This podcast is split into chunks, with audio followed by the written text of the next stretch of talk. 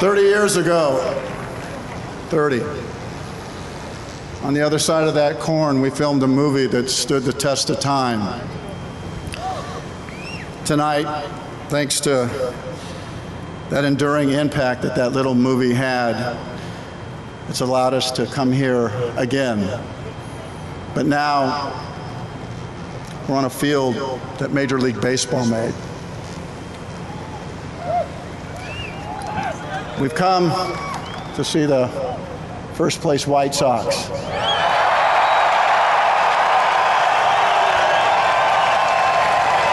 Play the mighty Yankees. In a field that was once corn.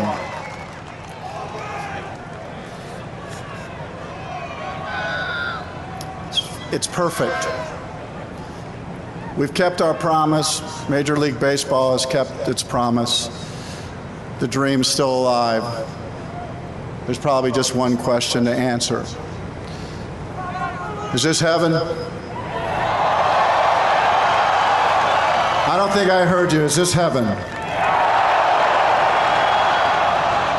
Yes, it is. This field is for the players. Good luck today. Here's the 0 2 pitch.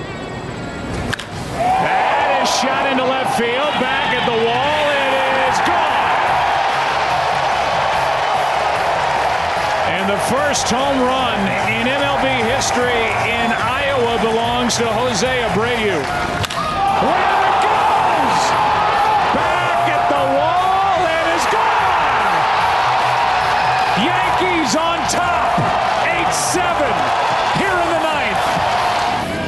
Hits it in the air right. Back at the wall, and the White Sox win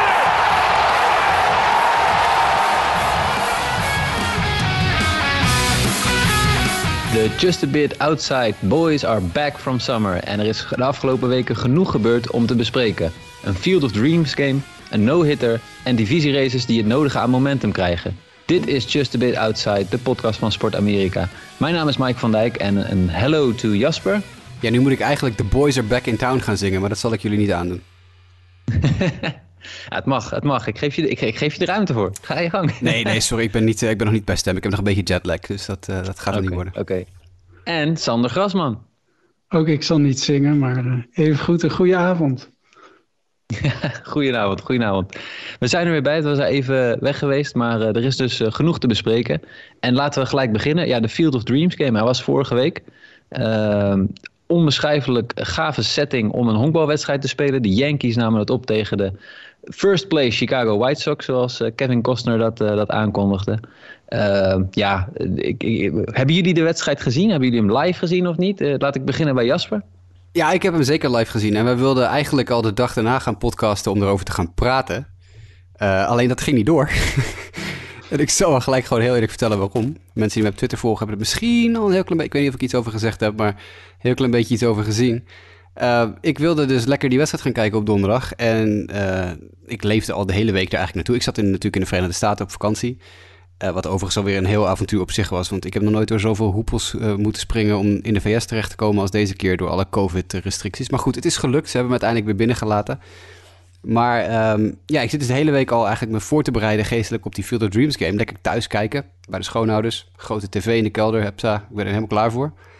wedstrijd is op donderdag. En op woensdagmiddag ben ik met, eh, met Lindsay, mijn vrouw, in, eh, in Walmart. Want ja, je moet natuurlijk wel naar Walmart gaan als je in Amerika bent.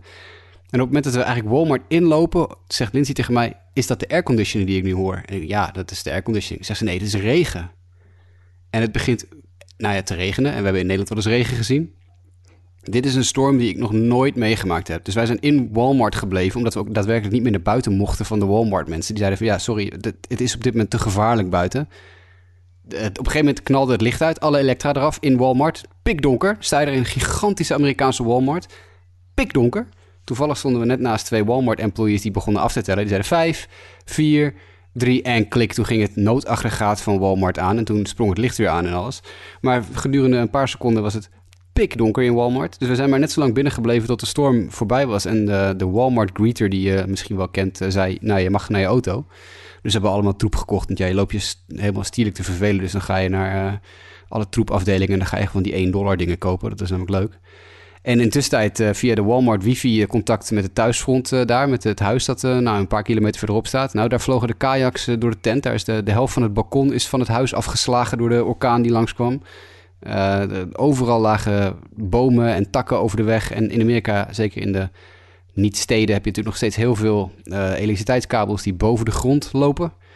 Nou, er waren dus flink wat bomen op eh, kabels gevallen, waardoor ja, echt nou niet, niet alleen de straat, maar echt de hele regio zonder stroom zat. En dan zijn ze in Amerika niet zo heel snel met het oplossen, maar in dit geval als je natuurlijk de hele buurt moet doen, de hele, echt letterlijk de hele regio, meerdere dorpen in de buurt gewoon volledig zonder stroom.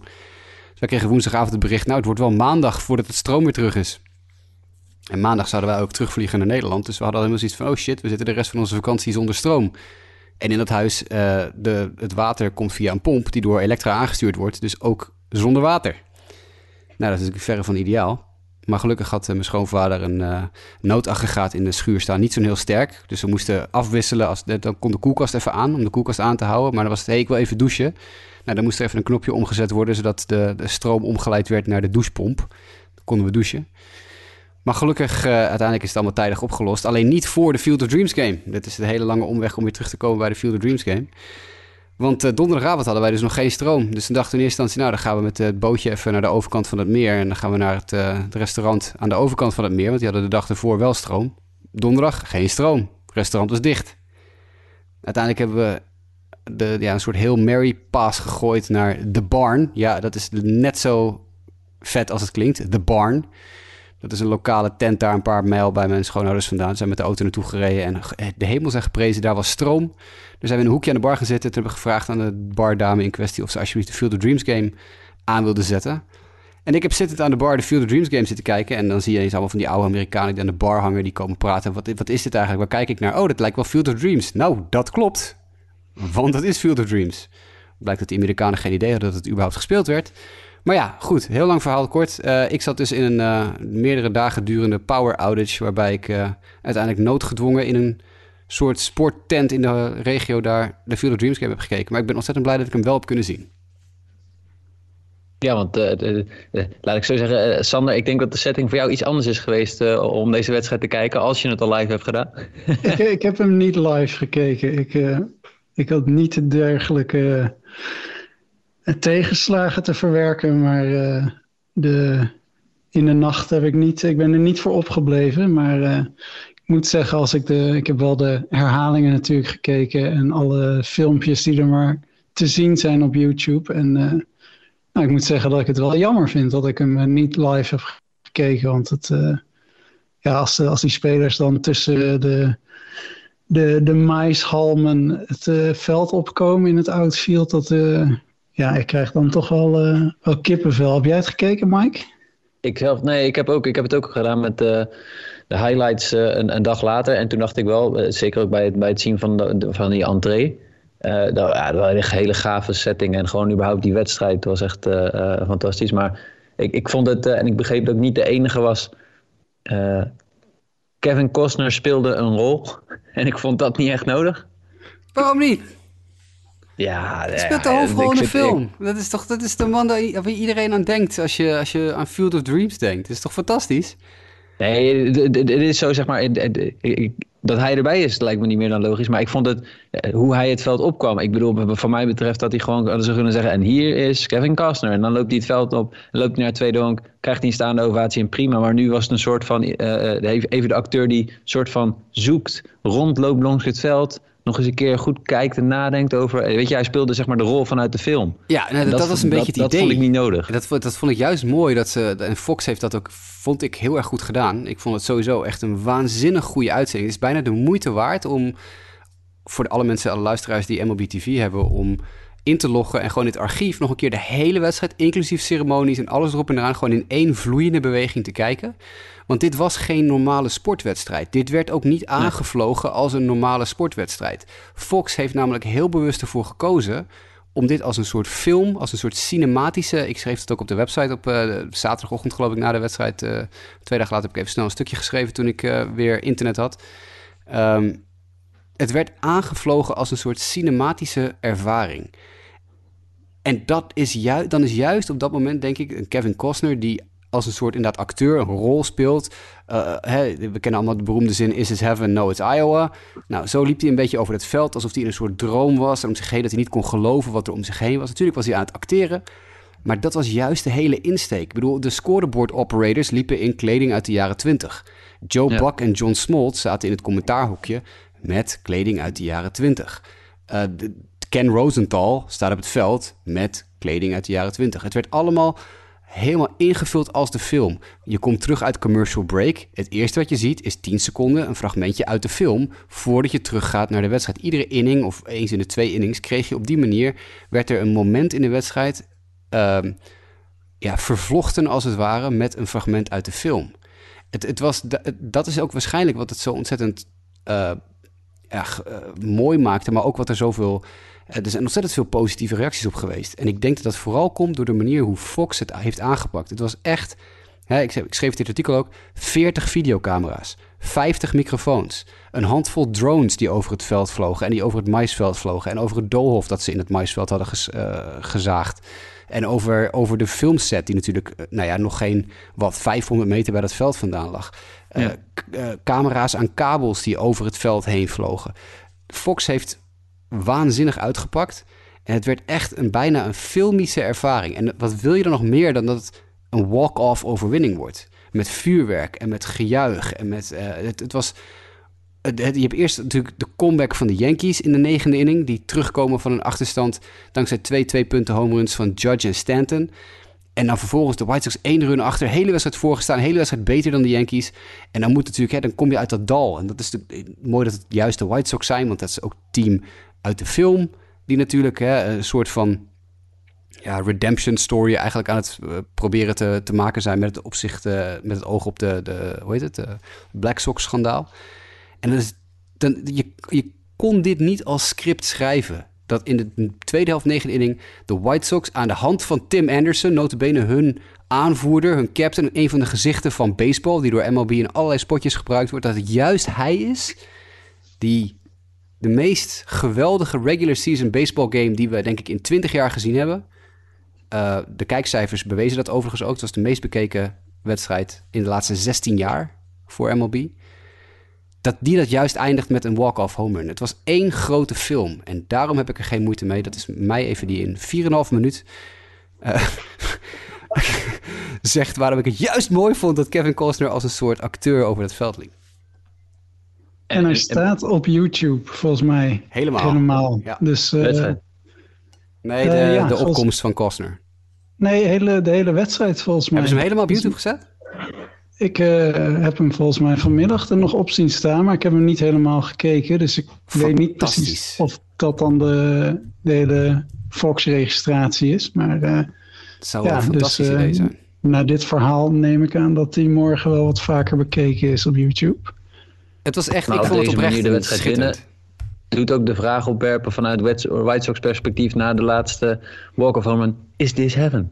Ja, nou, dat was de laatste regel uit mijn artikel ook. Was it heaven? No, it was Iowa. Uh, nee, het is... Uh, uh, het was oprecht een enorme, enorme dikke win. Ja, hij staat inderdaad op YouTube, maar niet van een officieel account. Dus snel erbij zijn, anders wordt hij eraf gehaald. En ik, ik moet zeggen, ik, ik, ik, ik, ik weet dat je ook op zich kritisch was op de keuze voor de, voor de New York Yankees. Nou ja, het is, dat uh, is het andere het originele affiche, zeg maar, uh, eigenlijk, hè? Nou ja, jawel, een soort, soort van wel. Want de vader van Kevin Costner, tussen aanhalingstekens vader van Kevin Costner uit de film, speelt voor de Yankees. Ja. Dus het zijn, ja. het zijn de enige twee honkbalteams die in de film zitten. Zijn de Yankees en de White Sox. Dus ja. ik, in eerste instantie dacht ik, ja, waarom kies je dan voor de Yankees? Een echte rol spelen ze niet. Het draait natuurlijk allemaal om de White Sox in die, in die film. Maar als je dan een team kiest om er tegen, tegenover te zetten, dan snap ik wel dat het de Yankees zijn. Ja, nee, ik vond het uh, wat dat betreft uh, qua affiche en, en beleving pakte dat ook echt goed uit. Ik vond het fantastisch, maar dat is denk ik wel duidelijk. Want ik heb geloof ik inmiddels al 10 minuten besteed aan het praten over hoe geweldig die Field of Dreams game is. Dus ik ga minder praten de rest van de uitzending, ik beloof het. Maar... Nee, ja, ik, ik, ik heb net zo genoten wat dat betreft. Alleen zeg, eh, het cinema. eh, maar dat uit die maisvelden lopen ook, dat was zo vet. Dat, eh, Zo vet. En het exploderende scorebord bij die walk-off home run. En natuurlijk eh, zelfs het trappetje dat, waar de scoreboard operators... Dus iedere keer, het was een handbestuurd scorebord. Dus iemand moest telkens een Ja. trappetje oplopen en een bordje ophangen als er weer een punt gescoord was. Zelfs dat trappetje kraakte en daar hadden ze zelfs een microfoon bij gezet. Dus iedere keer als er een Ja. scoreboard operator het trappetje opklop, opklom... Dan hoor je dat gekraak. Nou, dat is, toch, dat is toch een oog voor detail dat je denkt van... Nou, er zit, er zit een echt een... Er zit een Steven Spielberg zit daar aan de knoppen. ja.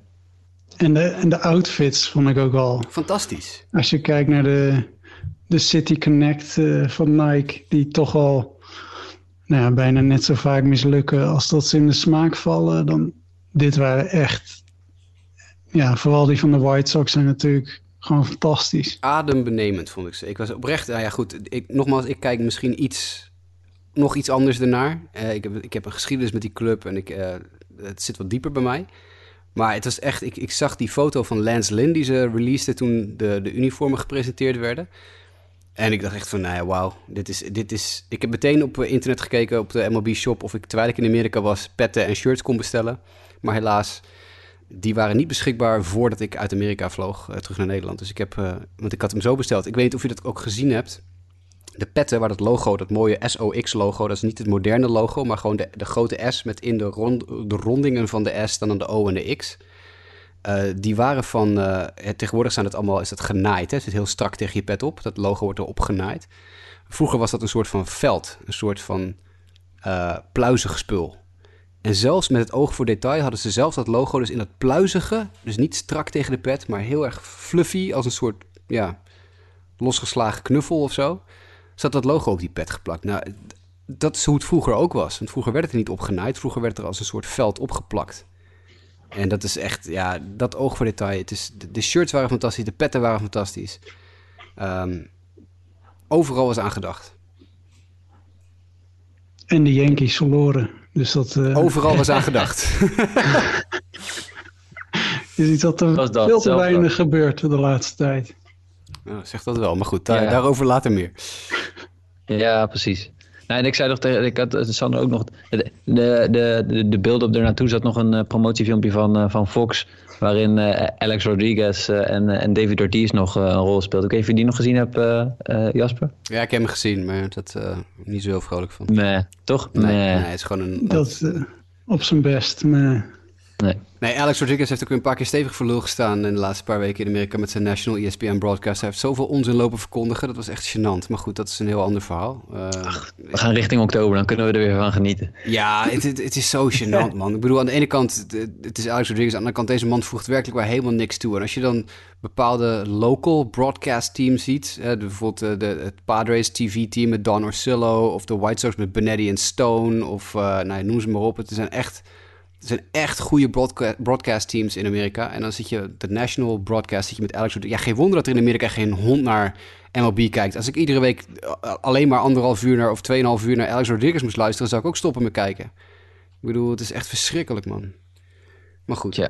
Ik, eh, gelukkig heeft Jose Canseco ook een takkenhekel aan Alex Rodriguez. Hebben jullie, ik had jullie gestuurd in de, in de appgroep, maar misschien hebben de mensen thuis niet gezien nog. Maar eh, Jose Canseco heeft een kledinglijntje uitgebracht met t-shirts en petjes en mondmaskers en heup, heuptasjes en noem maar op. En daar zit ook een aantal eh, op, op. Hij verkoopt onder andere een mondmasker waar heel groot fuck A-Rod op staat. Dus die hebben, hij heeft ook een hekel aan eh, Alex Rodriguez. It goes way back. Way back. Laten we doorgaan, want er is nog veel meer gebeurd in de in MLB Ja, maar la- laat, la- mij, laat mij, sorry, laat me nog één ding zeggen. Eh, Ik ben ontzettend kritisch op MLB altijd. Dat mensen die veel naar deze show hebben geluisterd weten dat. Ik heb bijna nooit een goed woord over voor Rob Manfred. En laten we vooropstellen, we hebben niet op de outline staan. We moeten het even hebben over het feit dat MLB wil gaan samenwerken met Barstool. Eh, dat is ook nog een dingetje wat we even moeten bespreken zo meteen. Heb ik geen goed woord voor over. Ik ben rete kritisch op Rob, Rob Manfred en op wat MLB doet. Maar ze hebben een absolute, absolute home run geslagen met de Field of Dreams game. Ze hebben niets fout gedaan aan die Field of Dreams game. Nee, is de arrow dan misschien om het volgend jaar weer te doen? Ja, dat is een volgend punt. Dan gaan ze natuurlijk andere teams kiezen. Maar kijk, je kan dit natuurlijk wel... Je, je kan dit doen, maar dan moet je het niet op deze locatie doen. Deze locatie is nu gebruikt voor wat wij allemaal in ons hoofd hebben... als de mooiste regular season wedstrijd die we in een decennium gezien hebben. Voor mij in ieder geval. Ik heb, ik heb twee regular season wedstrijden in mijn, in mijn leven gezien. Van mijn club dan. eh, die ik nooit, nooit meer zal vergeten. Dat is de blackout game tegen de Twins van een paar jaar geleden. Nou, een paar jaar geleden. 12, 12 14 jaar geleden. En, eh, en, deze, en deze wedstrijd. Die vergeet ik mijn hele leven niet meer. Dit, dit stadion moet nu uh, met pensioen gestuurd worden. En ik vind het prima als je een vergelijkbaar iets gaat doen. Maar ga dan naar Los Angeles en doe het bijvoorbeeld met de Dodgers en, nou ja, uh, weet ik veel, Giants of zo. Of vind een ander leuk team waar geschiedenis in zit. En doe het dan bijvoorbeeld op een van die eilanden. In Val Valparaiso heet dat geloof ik, ik ben even vergeten. Je hebt zo'n eilandenreeks vlak voor de kust van Californië. Doe het dan daar. Bouw een schitterend stadion op een eiland. Waarvan als je over het outfield hek kijkt, dat je dan de zee ziet. En ga daar een wedstrijd spelen of zo. Ja. Maak het ieder jaar. Het, het, het, het Dreams-principe, prima. Field of Dreams-principe, moet je doen. Maar doe het niet twee keer op dezelfde plek. En ik snap dat het nee. ontzettend veel geld kost om een stadion aan te leggen natuurlijk. En je wilt het natuurlijk vaker dan één keer gebruiken. Aan de andere kant denk ik dat met alle sponsoringen en, en geweldige uh, promotiemogelijkheden... die ze met deze wedstrijd hebben opge, opgelopen, dat ze daar iets mee kunnen. Maar doe het niet twee keer op dezelfde plek. Maar die kolossale, dat vond ik ook wel de kracht juist van dit. Hè? De, de intieme setting dat je niet met 50.000 man in een stadion hoeft te zitten, maar gewoon met 8.000 dat je iets heel moois neer kan zetten. Ja, 100%. Sorry, je, Sander, je, je, je was het, het verhaal verder aan het gaan, maar ik wilde dat nog even kwijt. Ik ben nogmaals, MLB doen niks goed. Dit deden ze foutloos. Ja. Nou, laten we dan doorgaan, want foutloos is een mooi bruggetje. Uh, uh, toch, of niet? De 27-jarige Tyler Gilbert van de Arizona Diamondbacks uh, mocht zijn eerste start maken vorige week tegen de San Diego Padres. En hij wierp een no-hitter. Dat is toch wel uh, uh, knap. hij had al twee keer eerder geworpen in relief. En nu had hij dus de kans gekregen door de vele blessures bij de Diamondbacks om een start te maken. En het grappige was, het was tegen, tegen de opponenten waren de Padres. Die hadden dus al een no-hitter gegooid dit seizoen. Uh, dat was Joe Musgrove. En die stond op de heuvel namens de Padres. Dus dat zijn altijd weer van die leuke feitjes. Uh, de Diamondbacks hebben nu drie no-hitters in een seizoen. Of in een seizoen. Uh, in de historie. De overige twee waren dan zeg maar ja, de wedstrijd die geteld wordt. Ook nog als no-hitter. Maar de perfect game van Randy Johnson.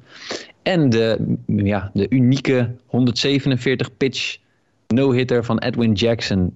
rond 2010 denk ik dat het geweest moet zijn tegen de Tampa Bay Rays. Dat zijn toch wel drie drie bijzondere no-hitters met uh, een uniek verhaal. Uh, als je het mij vraagt.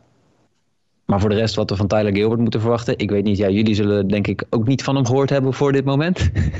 Nog nooit, maar ik vind zijn verhaal wel fantastisch. Vorig, ja, jaar, toch? vorig jaar in de leer als elektricien bij zijn vader... omdat hij uh, in het honkbal niet meer ging, ging redden. En toch maar weer een keer een gooi gedaan. Eerste start uit zijn carrière. Bam, no-hitter. Fantastisch.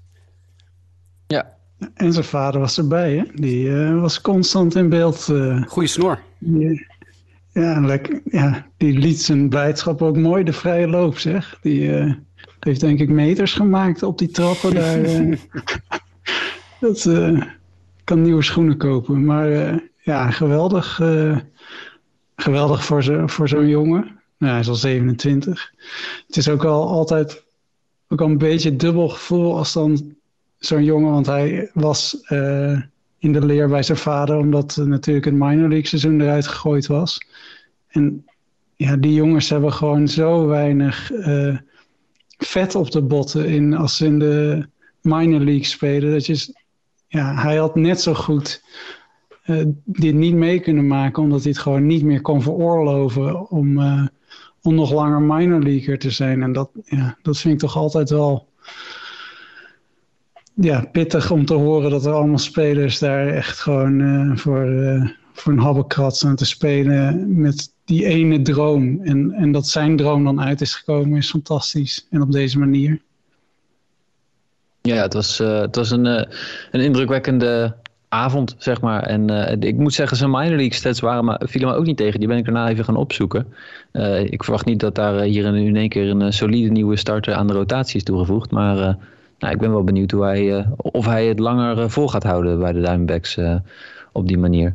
Die scheidsrechter had er ook wel zin om naar huis te gaan. Hè? Die, ja, ik zag het een paar calls in de achtste inning dat je denkt, nou... Oeh, man. Die, die, van hem mag het ook afgelopen zijn. Maar het is hem gegund. Maar het viel me wel op. Ja, dat, dat geluk moet je dan blijkbaar... ik moet zeggen, de defense had ook wel echt een aantal goede plays uh, Ja. achter uh, Gilbert. Hoor. Dat moet ook gezegd worden. Ja, want dat volgens mij tot de, tot de achtste inning had hij nog maar drie strikeouts. En eh, die achtste inning, eh, twee strikeouts, waar volgens mij allebei de, de derde iets wat aan de buitenkant eh, Ja. ging. Ja.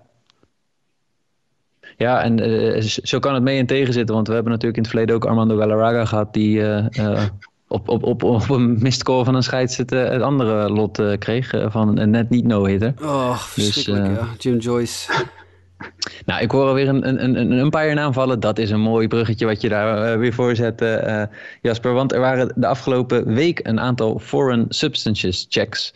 Die dit keer wat, eh, ja, hoe moet je dat dan zeggen, tot positieve gevallen leiden met negatieve consequenties. Caleb Smith, een andere werper van de Diamondbacks, werd gepakt met eh, Jasper. Jij zei, jij wist de substantie hè, waarmee die gepakt was op zijn handschoen. Het schijnen twee plekken van rosin te zijn. En we hebben al ge- uitgelegd dat rosin mag. Hè? Je mag dat, dat zakje met van dat poeder op de heuvel hebben... wat je werpers heel vaak in hun handen ziet hebben.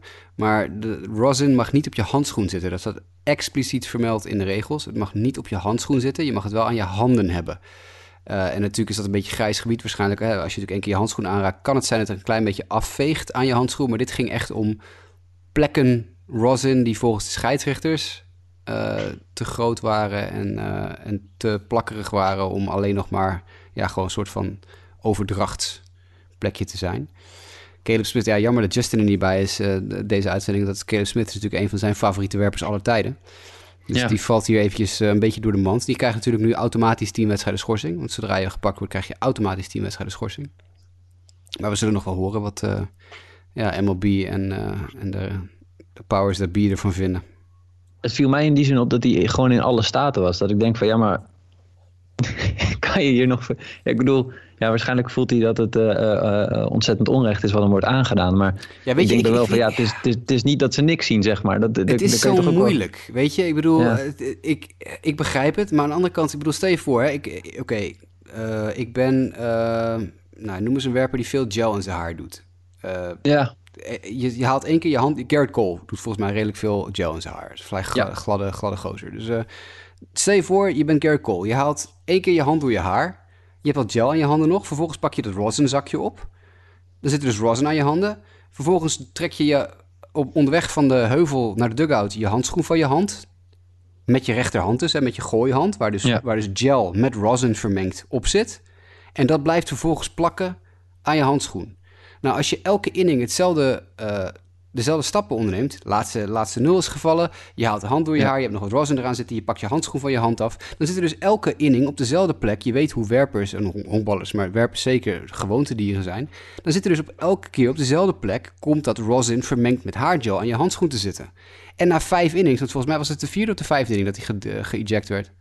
Dat weet jij misschien weten, want jij bent de Diamondbacks fan. Maar Volgens hoe dan ook. de vijfde. Ja, nou, zoiets, ja. Maar dan heb je dus meerdere innings gehad dat je telkens de handschoen op dezelfde plek beetpakt met plakkerige rosin handen.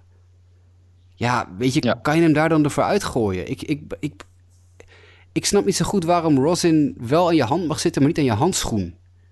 Het was de achtste inning. Achtste inning, nou ik bedoel maar. Dus hij heeft zeven innings gegooid op dat moment, want hij is gestart. Neem ik aan. Nee, nee, nee, nee, nee. Caleb is een, eh, hoe zeg je dat? Eh, Hij is aan het de relieven. long reliever. Long reliever. Hoeveel innings had hij gegooid? Je hebt het voor je staan waarschijnlijk nu. Even kijken, ik zal hem even erbij pakken. Oepsa. Een inning gegooid, daar gaat mijn hele theorie. Maar nee, eh, weet ik niet. nee, maar goed, je snapt, mijn- je snapt mijn punt. Twee, twee derde. Twee, twee derde, precies. Je hebt, hij heeft dus twee, twee derde. Hij heeft dus tenminste twee keer bijvoorbeeld zijn handschoen op dezelfde plek beetgepakt. Ja. Ja, weet je, je moet natuurlijk niet als MLB zeggen... je mag de substantie wel op je heuvel, op, aan je hand hebben... maar niet aan je handschoen. Dat is een beetje net als met COVID. Je, mag je, je moet je handen wassen, want als het aan je handen zit... dan, ga, dan draag je het over. Ja, als het rosin aan je handen zit, dan draag je het over op je handschoen. Weet je, ik, Maar ik, moet in die, ik weet niet of ik de, de, de umpires moet verdedigen. Kijk, op weten zij op dat moment om welke substantie het gaat. Dat vind ik ook, dat zijn lastige... Ja, dat is een heel goed punt. Nou, dat weet je misschien niet. Nee. Maar daarom zou MLB misschien het appeals process wat meer moeten stroomlijnen. Dat dit soort jongens kunnen zeggen, luister, dit was gewoon rosin met haargel, wat toevallig aan mijn handschoen zit, bij van spreken. Ja, Ja. weet je, toevallig, toevallig. Dan, mag je, dan moet je ze dus ook gaan verbieden dat ze hun haar, dat ze, dat ze geen haargel mogen hebben of zo. Ja, dan kijkt er helemaal niemand meer. Nee, precies. Ja, aan de andere kant, waarom heb je in hemelsnaam haargel nodig als je het een pet op hebt? Maar goed, dat is natuurlijk een ander punt. Dat is, dat is, dat is, eh, ik, ik ga niemand verwijten dat ze ijdel zijn of zo. Maar ja, het, het- kortom, ja. Ik vind het heel moeilijk. Ik bedoel, uh, dit, ja. En, en, en Lance Lynn, want dat was ook iemand die uh, de wedstrijd uit werd gegooid. dat had volgens mij ook te maken met een check.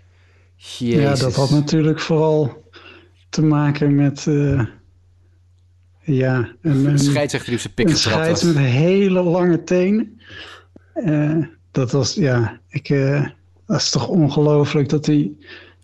hij wordt dus gecheckt, voor de mensen die het niet gezien hebben. Hij loopt gewoon van de heuvel af en ze hebben dan af en toe een check. En die scheids is wat laat bij hem. Dus hij, Lin is al halverwege het, de clubhouse, het clubhouse in, want hij wil Volgens mij had hij ergens last van. Ja, zijn enkel, zijn enkel zou getaped worden. Tussen de innings door worden zijn enkels getaped. Hij, hij, ging naar binnen om iets te laten doen. En uh, dan wordt er gevraagd van... hé, hey, uh, geef even je spullen. Dus hij legt zijn pet en handschoen daar neer. En ja, vergeet dan zijn, zijn riem. Nou, ik denk dat dat lijkt me best geloofwaardig dat hij dat doet. En dan zeggen ze van nee, geef je riem ook even. En hij gooit dat, hij, hij lopt dat echt gewoon zo'n zo'n ja, zacht worpje richting de, de reling van de dugout. En die, die komt daarop terecht. En die scheidsrechter gooit hem er echt meteen uit. En ik, ik stoorde hem al aan hoe het handgebaartje van die scheidsrechter zo van... Het was echt zo van zo'n ja, en passant even van uh, en, en je bent eruit. Het was echt gewoon, ja, niet, niet, even, niet even aankijken. Niet, niet zo van, nou, wat is dit? Wat voor intentie zit erachter? Nee, die, die riem wordt gegooid en uh, hij werd eruit gegooid. Nou, ja, als je gezien hebt hoe sommigen reageren op uh, van die inspecties, dan viel dit echt heel erg mee. En nou ja, de uitleg van Lin is dat hij gewoon heel graag naar binnen wilde. Want hij moet zo ook weer klaarstaan. Hij moet straks zich ook weer voorbereiden. Nou, vind ik ook wel redelijk geloofwaardig. Ja. Nou, en als je in herhaling kijkt, zie je ook inderdaad dat eh, Nick Lens, de derde honkscheidsrechter, een vrij jonge scheidsrechter nog. Ik wil niet zeggen dat een rookie is, maar hij zit nog niet in zijn. Hij is nog geen vijf jaar in de league volgens mij. Vrij jonge scheidsrechter. Hij is inderdaad heel laat bij de dugout. Ik bedoel, normaal gesproken in, uh, onderscheppen ze die jongens. Hè? Dus dat zie je bij, uh, bij werpers heel vaak. Dan komt de scheidsrechter met een klein drafje aangelopen, terwijl de werper van de heuvel afwandelt. En dan, dan kruisen hun wegen elkaar ongeveer halverwege richting de dugout. En daar staan ze op het veld eventjes nog. Hè, hier heb je mijn pad, hier heb je, ik check mijn riem, hier heb je mijn, mijn handschoen, enzovoort, enzovoort. En dan gaan ze verder. Maar je ziet inderdaad, Lin, Lin, nou ja, we weten allemaal hoe Lens Lin eruit ziet. Vrij chubby, chubby dude die, die komt niet zomaar even, die rent niet uh, volle sprint naar de dugout of zo. Die wandelt echt op zijn dode gemakje naar de dugout. En Lin is al de trap af in de dugout en met één voet zo ongeveer in de clubhouse, of in de gang naar de clubhouse inderdaad. En de scheidsrechter is er nog steeds niet. Ja, sorry hoor. Uh, ik kan me Lin wel een beetje voorstellen. Ja. Maar gaat hij geschorst worden? Absoluut niet. Nee, zeker niet. Nee, want hij heeft geen, hij heeft geen foreign substance check gefilmd. Hè? Ze hebben niks gevonden op zijn, nee, op zijn handschoen of op zijn, uh, of op zijn uh, pet. Ja, hij is gewoon, hij is gewoon geëject. Nou, als je normaal gesproken geëject wordt, krijg je geen schorsing. Als je niet gevochten hebt of zo, maar als je gewoon even scheld tegen de scheidsrechter of zo, krijg je niet automatisch een schorsing of zo. Krijg je misschien een keer een boete of zo. Standaard boete die op, je, op een ejection staat. Ja. ja. En ja, Lin heeft net zijn contractverlenging binnen, dus dit zal hem ook worst wezen, denk ik. Maar uh, ik, ik kan altijd wel lachen om Lynn. Die in de persconferentie gewoon zegt... ja, luister, ik heb, ik heb hem gekwetst, blijkbaar. Ja, hij schoot niet op. Hij was er niet op tijd. Dat van de toekomstige Cy Young Award-winnaar van de American League. Het zou het zijn hoor, het zou het zijn. Hij is, uh, hij is niet heel in heel super goede doen. De Field of Dreams game was hij niet heel goed. En ook deze afgelopen wedstrijd was hij ook niet heel erg sterk. Maar uh, hij is natuurlijk ja, dit seizoen tot nu toe heel erg, uh, heel erg goed geweest. Echt een anker. Yes. Nou, laten we anders even een rondje maken langs de verschillende divisies. En dan nemen we gelijk nog wat, uh, wat nieuwtjes van de verschillende teams ook, uh, ook door. Uh, we beginnen bij de AL East. Daar zijn de Tampa Bay Rays en de New York Yankees op dit moment heel goed bezig. De Rays hebben vier wedstrijden op rij gewonnen en de Yankees zelfs zeven. Ehm, en daarmee zijn de Yankees inmiddels de Boston Red Sox voorbij. Onderaan uh, zijn het de Baltimore Orioles die helemaal weg aan het zakken zijn. Uh, het slechtste team in de Major League op dit moment met 38 gewonnen en 82 verloren wedstrijden. Uh, maar Sander, wat is er gebeurd in Boston waardoor ze nu eigenlijk een beetje uit het of de playoff picture beginnen te vallen? Nou ja, eigenlijk waar ik in ieder geval het hele seizoen wel bang voor was. En ik was gewoon heel blij met hoe het nu ging. Maar het was gewoon duidelijk dat het te mager was om je, je succes voor een heel seizoen op te bouwen. En, en dat zie je nu. De, de belangrijke slagmensen zijn wat minder in vorm. Bogaerts zakt een beetje, heeft niet het hele hoge niveau van het begin van het seizoen vast kunnen houden. JD Martinez is niet geweldig. Uh, Devers doet het gewoon goed. En, uh, en je rotatie is gewoon ja, ook vrij mager. En uh, je bent intussen al uh, Richards en Martin Perez zijn naar de bullpen. Volgens mij hebben we op onze depth chart nu zelfs maar vier man. Waarvan Chris Sale, die net terug is gekomen, wat natuurlijk weer heel goed nieuws is, één van de vier is. Maar je, je rotatie is gewoon. Het houdt gewoon niet heel erg over. Maar ja, is dat, is dat heel erg dat je nu derde staat? Dit is eigenlijk wat je gewoon had kunnen verwachten. En het was fantastisch dat, dat we zo lang bovenaan stonden. En dat, dat wil je volhouden. En uh, ja, er zullen mensen zijn die zeggen dat we rond de trade deadline uh, mensen hadden moeten halen. En uh, ja, dat, dat zou goed kunnen. Maar we hebben ook weer niet de farm system om dat zomaar op te vangen. Dat je zomaar even iemand kunt halen. En en dan nog weet ik niet of je één of twee spelers maar verwijderd was van, van het allerbeste. Dus dan kan je wat mij betreft beter uh, aan de toekomst denken en niet, uh, niet het huidige succes uh, ja, proberen ja, tegen beter weten in vast te houden. Dus je, hm? Ja, ga je gang, ga je gang. Nou ja, dat is denk ik gewoon aan de gang. Het is gewoon de rotatie is niet breed genoeg, de line-up is niet breed genoeg. En dat hou je dus dan niet vol. En dat, is, uh, ja, dat komt nu aan het licht. Maar ja, ze, ik, uh, ze proberen het roster nog wel enigszins uh, aan te scherpen. Ik begreep, Marvin Gonzalez is nu gereleased ten vervulling van Travis Shaw. En Chris Sale komt er aan. Ja, die heeft de eerste wedstrijd gegooid. Oogde, oogde prima. Um, dus dat, ja, dat is natuurlijk een fantastische versterking. Maar uh, nou ja, we hebben dus volgens mij nu vier starters op papier. Omdat Perez en Richards dus op papier nu bullpen zijn. En dat, ja, het is gewoon... Uh, ja, Travis Shaw, dat, dat is, ja... Ja, is dat een enorme versterking? Marvin Gonzalez was een behoorlijke verzwakking. We hebben net even statistieken bekeken. Die heeft een OPS van 65 dit seizoen. Dus ja, dat heeft niet uitgepakt zoals, gehoopt. Uh, multifunctionele speler natuurlijk, daarom, uh, dat, was, dat maakte hem aantrekkelijk. Maar uh, ja, hij heeft gewoon, gewoon gefaald dit seizoen en die, is nu, die hebben ze er nu uitgeknikkerd ten faveur van Travis Shaw. Nou ja, ja, ik denk niet dat je daarmee ineens... ik denk niet dat ze bij de Yankees nu trillend hun schoenen aantrekken met het idee dat Travis Shaw nu bij, de, bij Boston zit, maar ja, we staan nog steeds maar een halve wedstrijd achter, of anderhalve wedstrijd achter. Dus uh, het zou zomaar kunnen als Chris Sale het, uh, ja, als hij fantastisch gaat gooien en E-Rod doet, het, uh, doet het goed, ja. Maar ja, het, het, volgens mij is dit wat je kon verwachten en, en was het hartstikke mooi dat we het zo goed gedaan hebben. En puntje bij Alright. paaltje moet ik gewoon, ja, weet je, uh, ik heb op de Yankees uh, behoorlijk op hun, uh, op case gezeten. En ik vind nog steeds, natuurlijk, het is niet een foutloos team. En ze hebben nog steeds het vierde run differential in hun divisie. Hè? Ze zitten plus 29 op dit moment. Dat is de vierde in de divisie. Alleen de Orioles, die hebben natuurlijk die hebben min 227.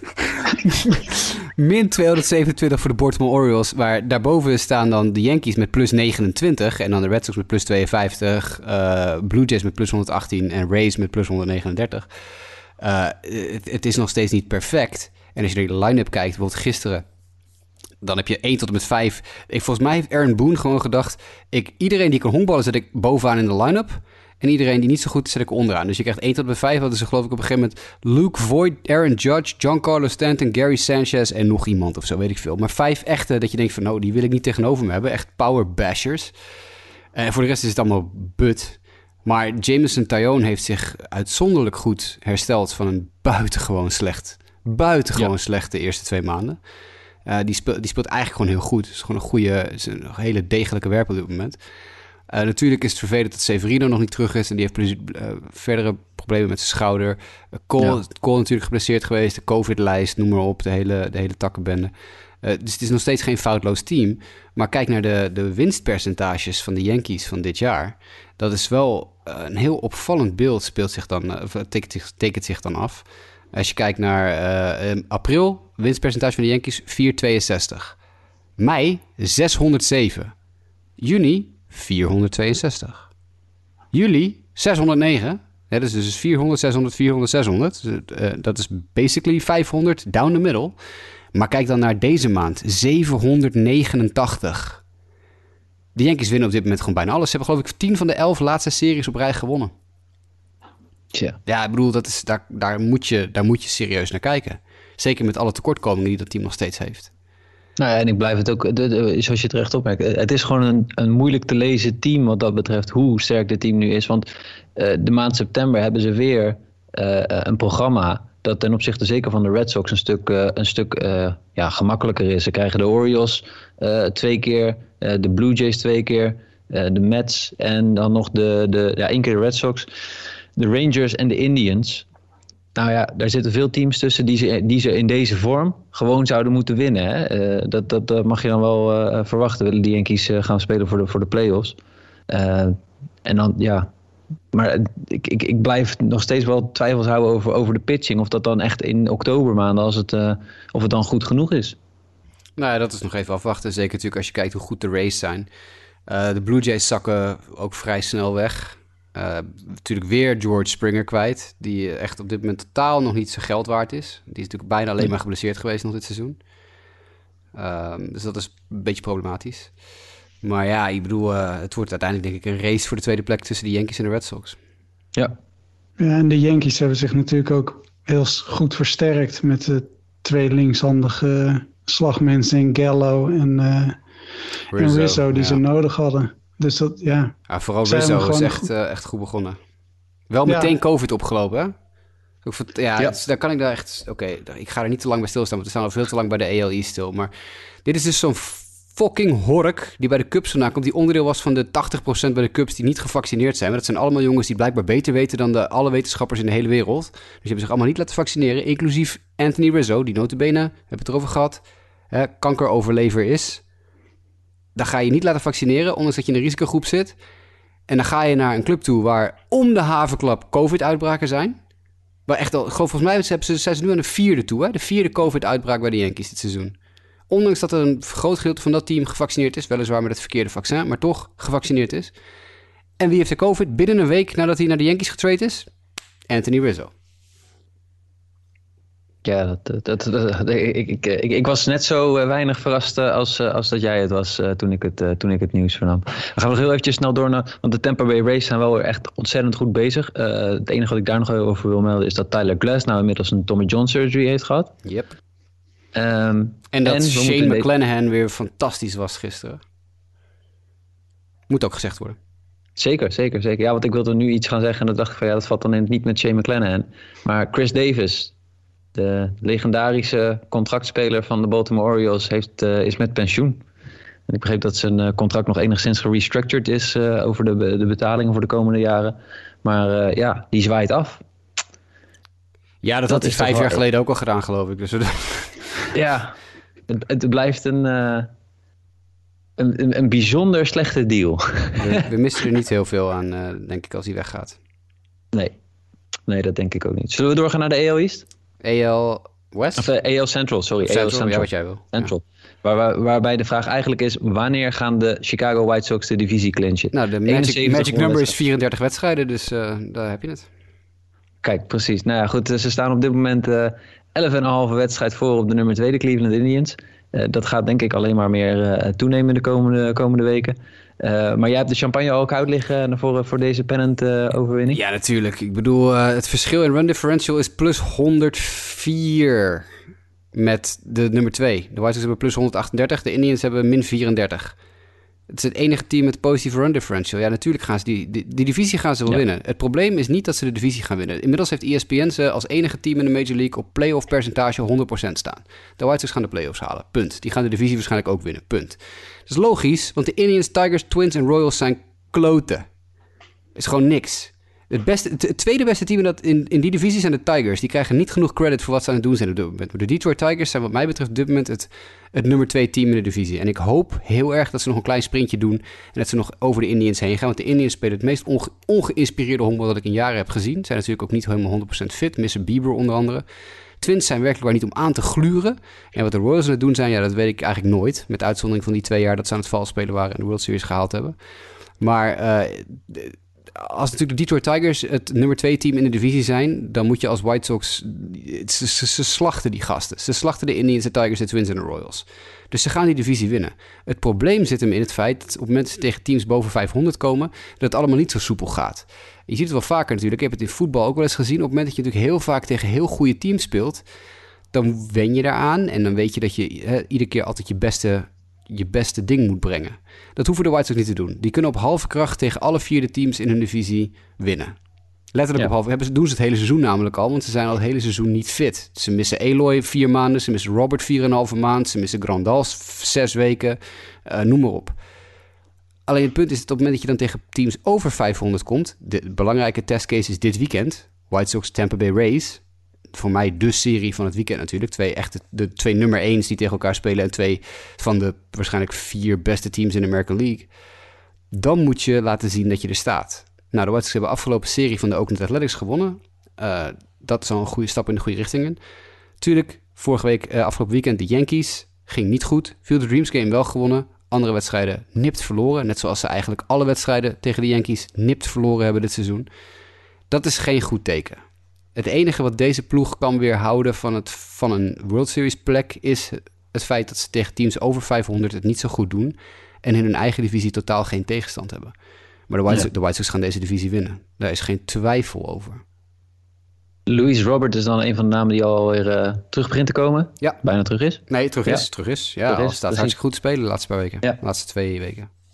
En eh, daarbij, eh, kijk, de, de divisie die verder gewoon onder 500 aan het spelen is, zijn wel nog wat nieuwtjes over te melden. Spannend is wie gaat er eigenlijk laatste worden, want dat is nog wel een, eh, een redelijk. eh, de, de, de, de vier teams staan binnen zes wedstrijden van elkaar. Oh, ik hoop de Twins, jongen. Ik heb zo'n grafhekel aan de Twins. Laat de Twins alsjeblieft laatste worden. Sander, heb jij denk- nog voorkeur in dit, op dit, op dit Ik, gebied? ik denk dat de Royals laatste gaan worden. Want die, eh, ja, dat, eh, wat, wat Jasper al zei, geen idee wat die aan het doen zijn. Maar eh, dat Minnesota krabbelt eigenlijk, die zijn natuurlijk verschrikkelijk slecht begonnen en zijn nog steeds heel matig. Maar die krabbelen iets op. Die zijn over, eh, Kansas had volgens mij een eh, best ruime voorsprong. En die zijn, die zijn weg aan het zakken als... eh, ja, die, die ontstijgen het niveau van, van Baltimore en Pittsburgh en, eh, en Arizona op dit moment volgens mij niet. Dus ik denk dat die laatste gaan worden. Ja. Maar dit, dit is natuurlijk een. eh, ja, de, de, voor de White Sox begint het pas in de playoffs eigenlijk. En, en de rest doet hier voor spek en bonen mee. Ja. daarmee is het een heel oninteressante divisie. Waanzinnig oninteressante divisie. Echt. Het is, het is dat de White Sox gewoon een, objectief gezien een heel interessant team om naar te kijken zijn. Want die hebben gewoon fantastische pitching. Uh, eigenlijk op elke... Op, alle facetten van dit team zitten spelers waar je de televisie voor wil aanzetten. Of het nou Eloy Jimenez, die natuurlijk, ja, Mike, zei het al, in de Field of Dreams game natuurlijk weer goed voor de dag kwam. Maar die sowieso echt waanzinnig, echt de sterren van de hemel zat te spelen. Tim Anderson is natuurlijk een, een gezicht van de sport. Uh, Louis Robert is iemand waar je de tv... Andrew Vaughn gaat top 5 in Rookie of the Year eindigen. Die heeft een waanzinnig rookie seizoen. Wordt veel te weinig over gepraat over wat Andrew Vaughn aan het doen is voor de White Sox. Vijf posities gespeeld al dit seizoen. Wordt overal maar neergezet. Nooit outfield gespeeld? Prima, hier, linksveld. Nooit rechtsveld gespeeld? Prima, rechtsveld in. Tweede honk? Alsjeblieft, Andrew Vaughn op het tweede honk. Eerste honk? Andrew Vaughn op het eerste honk. Nou, voor het jaar voorbij is, heeft hij misschien nog wel alle posities gehad. Uh, en dan heb je de pitching staff natuurlijk. Rodon die al een no-hitter heeft gegooid. Lucas Giolito die vorig jaar een no-hitter gooit. Bekende naam Lance Lynn die elke, elke start weer in, de, in het nieuws is. Omdat, nou ja, weet ik veel, uh, weer allerlei John Boy filmpjes ervan verschijnen. En in de bullpen ja. jongens als Michael Kopech, Liam Hendricks en Craig Kimbrell. Nou, dit is, dit is een waanzinnig leuk team om naar te kijken. Maar de divisie is geen sodemiet eraan. Helemaal niks. Het is jammer, het is jammer dat oktober dan nog uh, uh, zover is. Er zijn wel nog wat nieuwtjes te melden over de Detroit Tigers. Namelijk, Miguel Cabrera gaat één deze dagen. Zullen gewoon zeggen vanavond. Hij gaat vanavond zijn 500ste home run slaan. Als dit gebeurt, Mike, jongen, ik zweer het je. Echt fantastisch. nou, hij staat al best wel een poosje nu. Uh, ik geloof ik ruim een week op, uh, op, op 4,99. Zijn twaalfde homer van dit seizoen. Uh, hij, hij, slaat ze niet zo makkelijk meer als dat hij in het verleden deed. Maar die 500 gaat hij halen dit seizoen. Dat geen twijfel over mogelijk. En dan zit hij in de Hall of Fame. Want ja, iedereen die 500 homeruns heeft, die gaat in ieder geval naar de Hall of Fame. Nou, hij zit volgens mij ook nog maar 40 hits van 3000 hits af ook. Hè? Dus het zou kunnen zijn dat hij in één seizoen 500, zijn 500ste homerun en zijn 3000ste honkslag slaat. Call jij even de wedstrijd en de datum wanneer dat gebeurt? Of nou, weet daar misschien meer van?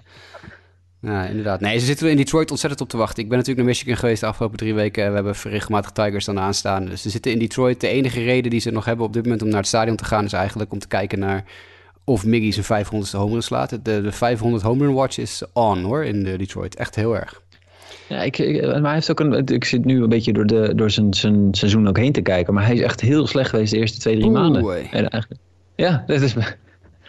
Ja, fantasy-wise heeft hij sowieso weinig uh, meer. Uh, dus dan, dan valt hij misschien wat sneller van de radar. Maar hij is nu wel weer een beetje. Good old Mickey. Nou ja, ja nee, niet, niet echt good old Mickey, maar wel, hij is wel beter nu dan in het begin van het seizoen was. Ja. Ik denk dat het voor de Tigers vooral heel interessant is wat er nu gebeurt in de minor league. Want van de week werden achter elkaar, of tegelijkertijd eigenlijk, hun drie, of drie van hun top prospects naar AAA gehaald. Uh, Spencer Torkelson, nummer 1 draft pick van vorig jaar, die echt een, als een komeet door de minors heen schiet. Uh, is natuurlijk dan de grootste naam. Uh, over er wordt in de White Sox-wereld, de White Sox Twitter en White Sox-fanwereld, wordt er maar over één ding gepraat. Dat binnen nu en twee, drie jaar zijn de Tigers de enige serieuze concurrent in de AL Central voor deze White Sox. Want wat die Tigers aan het bouwen zijn in de minor league is echt heel erg indrukwekkend hoor. Dat is, uh, vergis je daar niet in. Sander, ik weet niet of jij nog uh, uh, daar iets over kan zeggen, maar Jonathan Schoop heeft, heeft verlengd in, in Detroit ook. Ja, en die, hij begon volgens mij ook wat matig aan het seizoen, maar hij is, die heeft echt zijn vorm wel teruggevonden. En ja, de, de power blijft nog een beetje achter, maar gewoon een, volgens mij een average van iets onder de 300. Volgens mij staat hij op 18 homens de laatste keer dat ik het zag. Ja, die, die is gewoon hartstikke goed bezig. En die hebben ze nu voor twee jaar en 15 miljoen volgens mij vastgelegd. Nou, dat, dat is geen slechte deal denk ik, voor de, voor de Tigers. Als hij deze vorm, eh, het hangt er natuurlijk bij hem wel een beetje vanaf welke schoop je krijgt. Maar als hij deze vorm heeft, en vorig jaar was hij volgens mij ook het tweede seizoen zelf behoorlijk goed.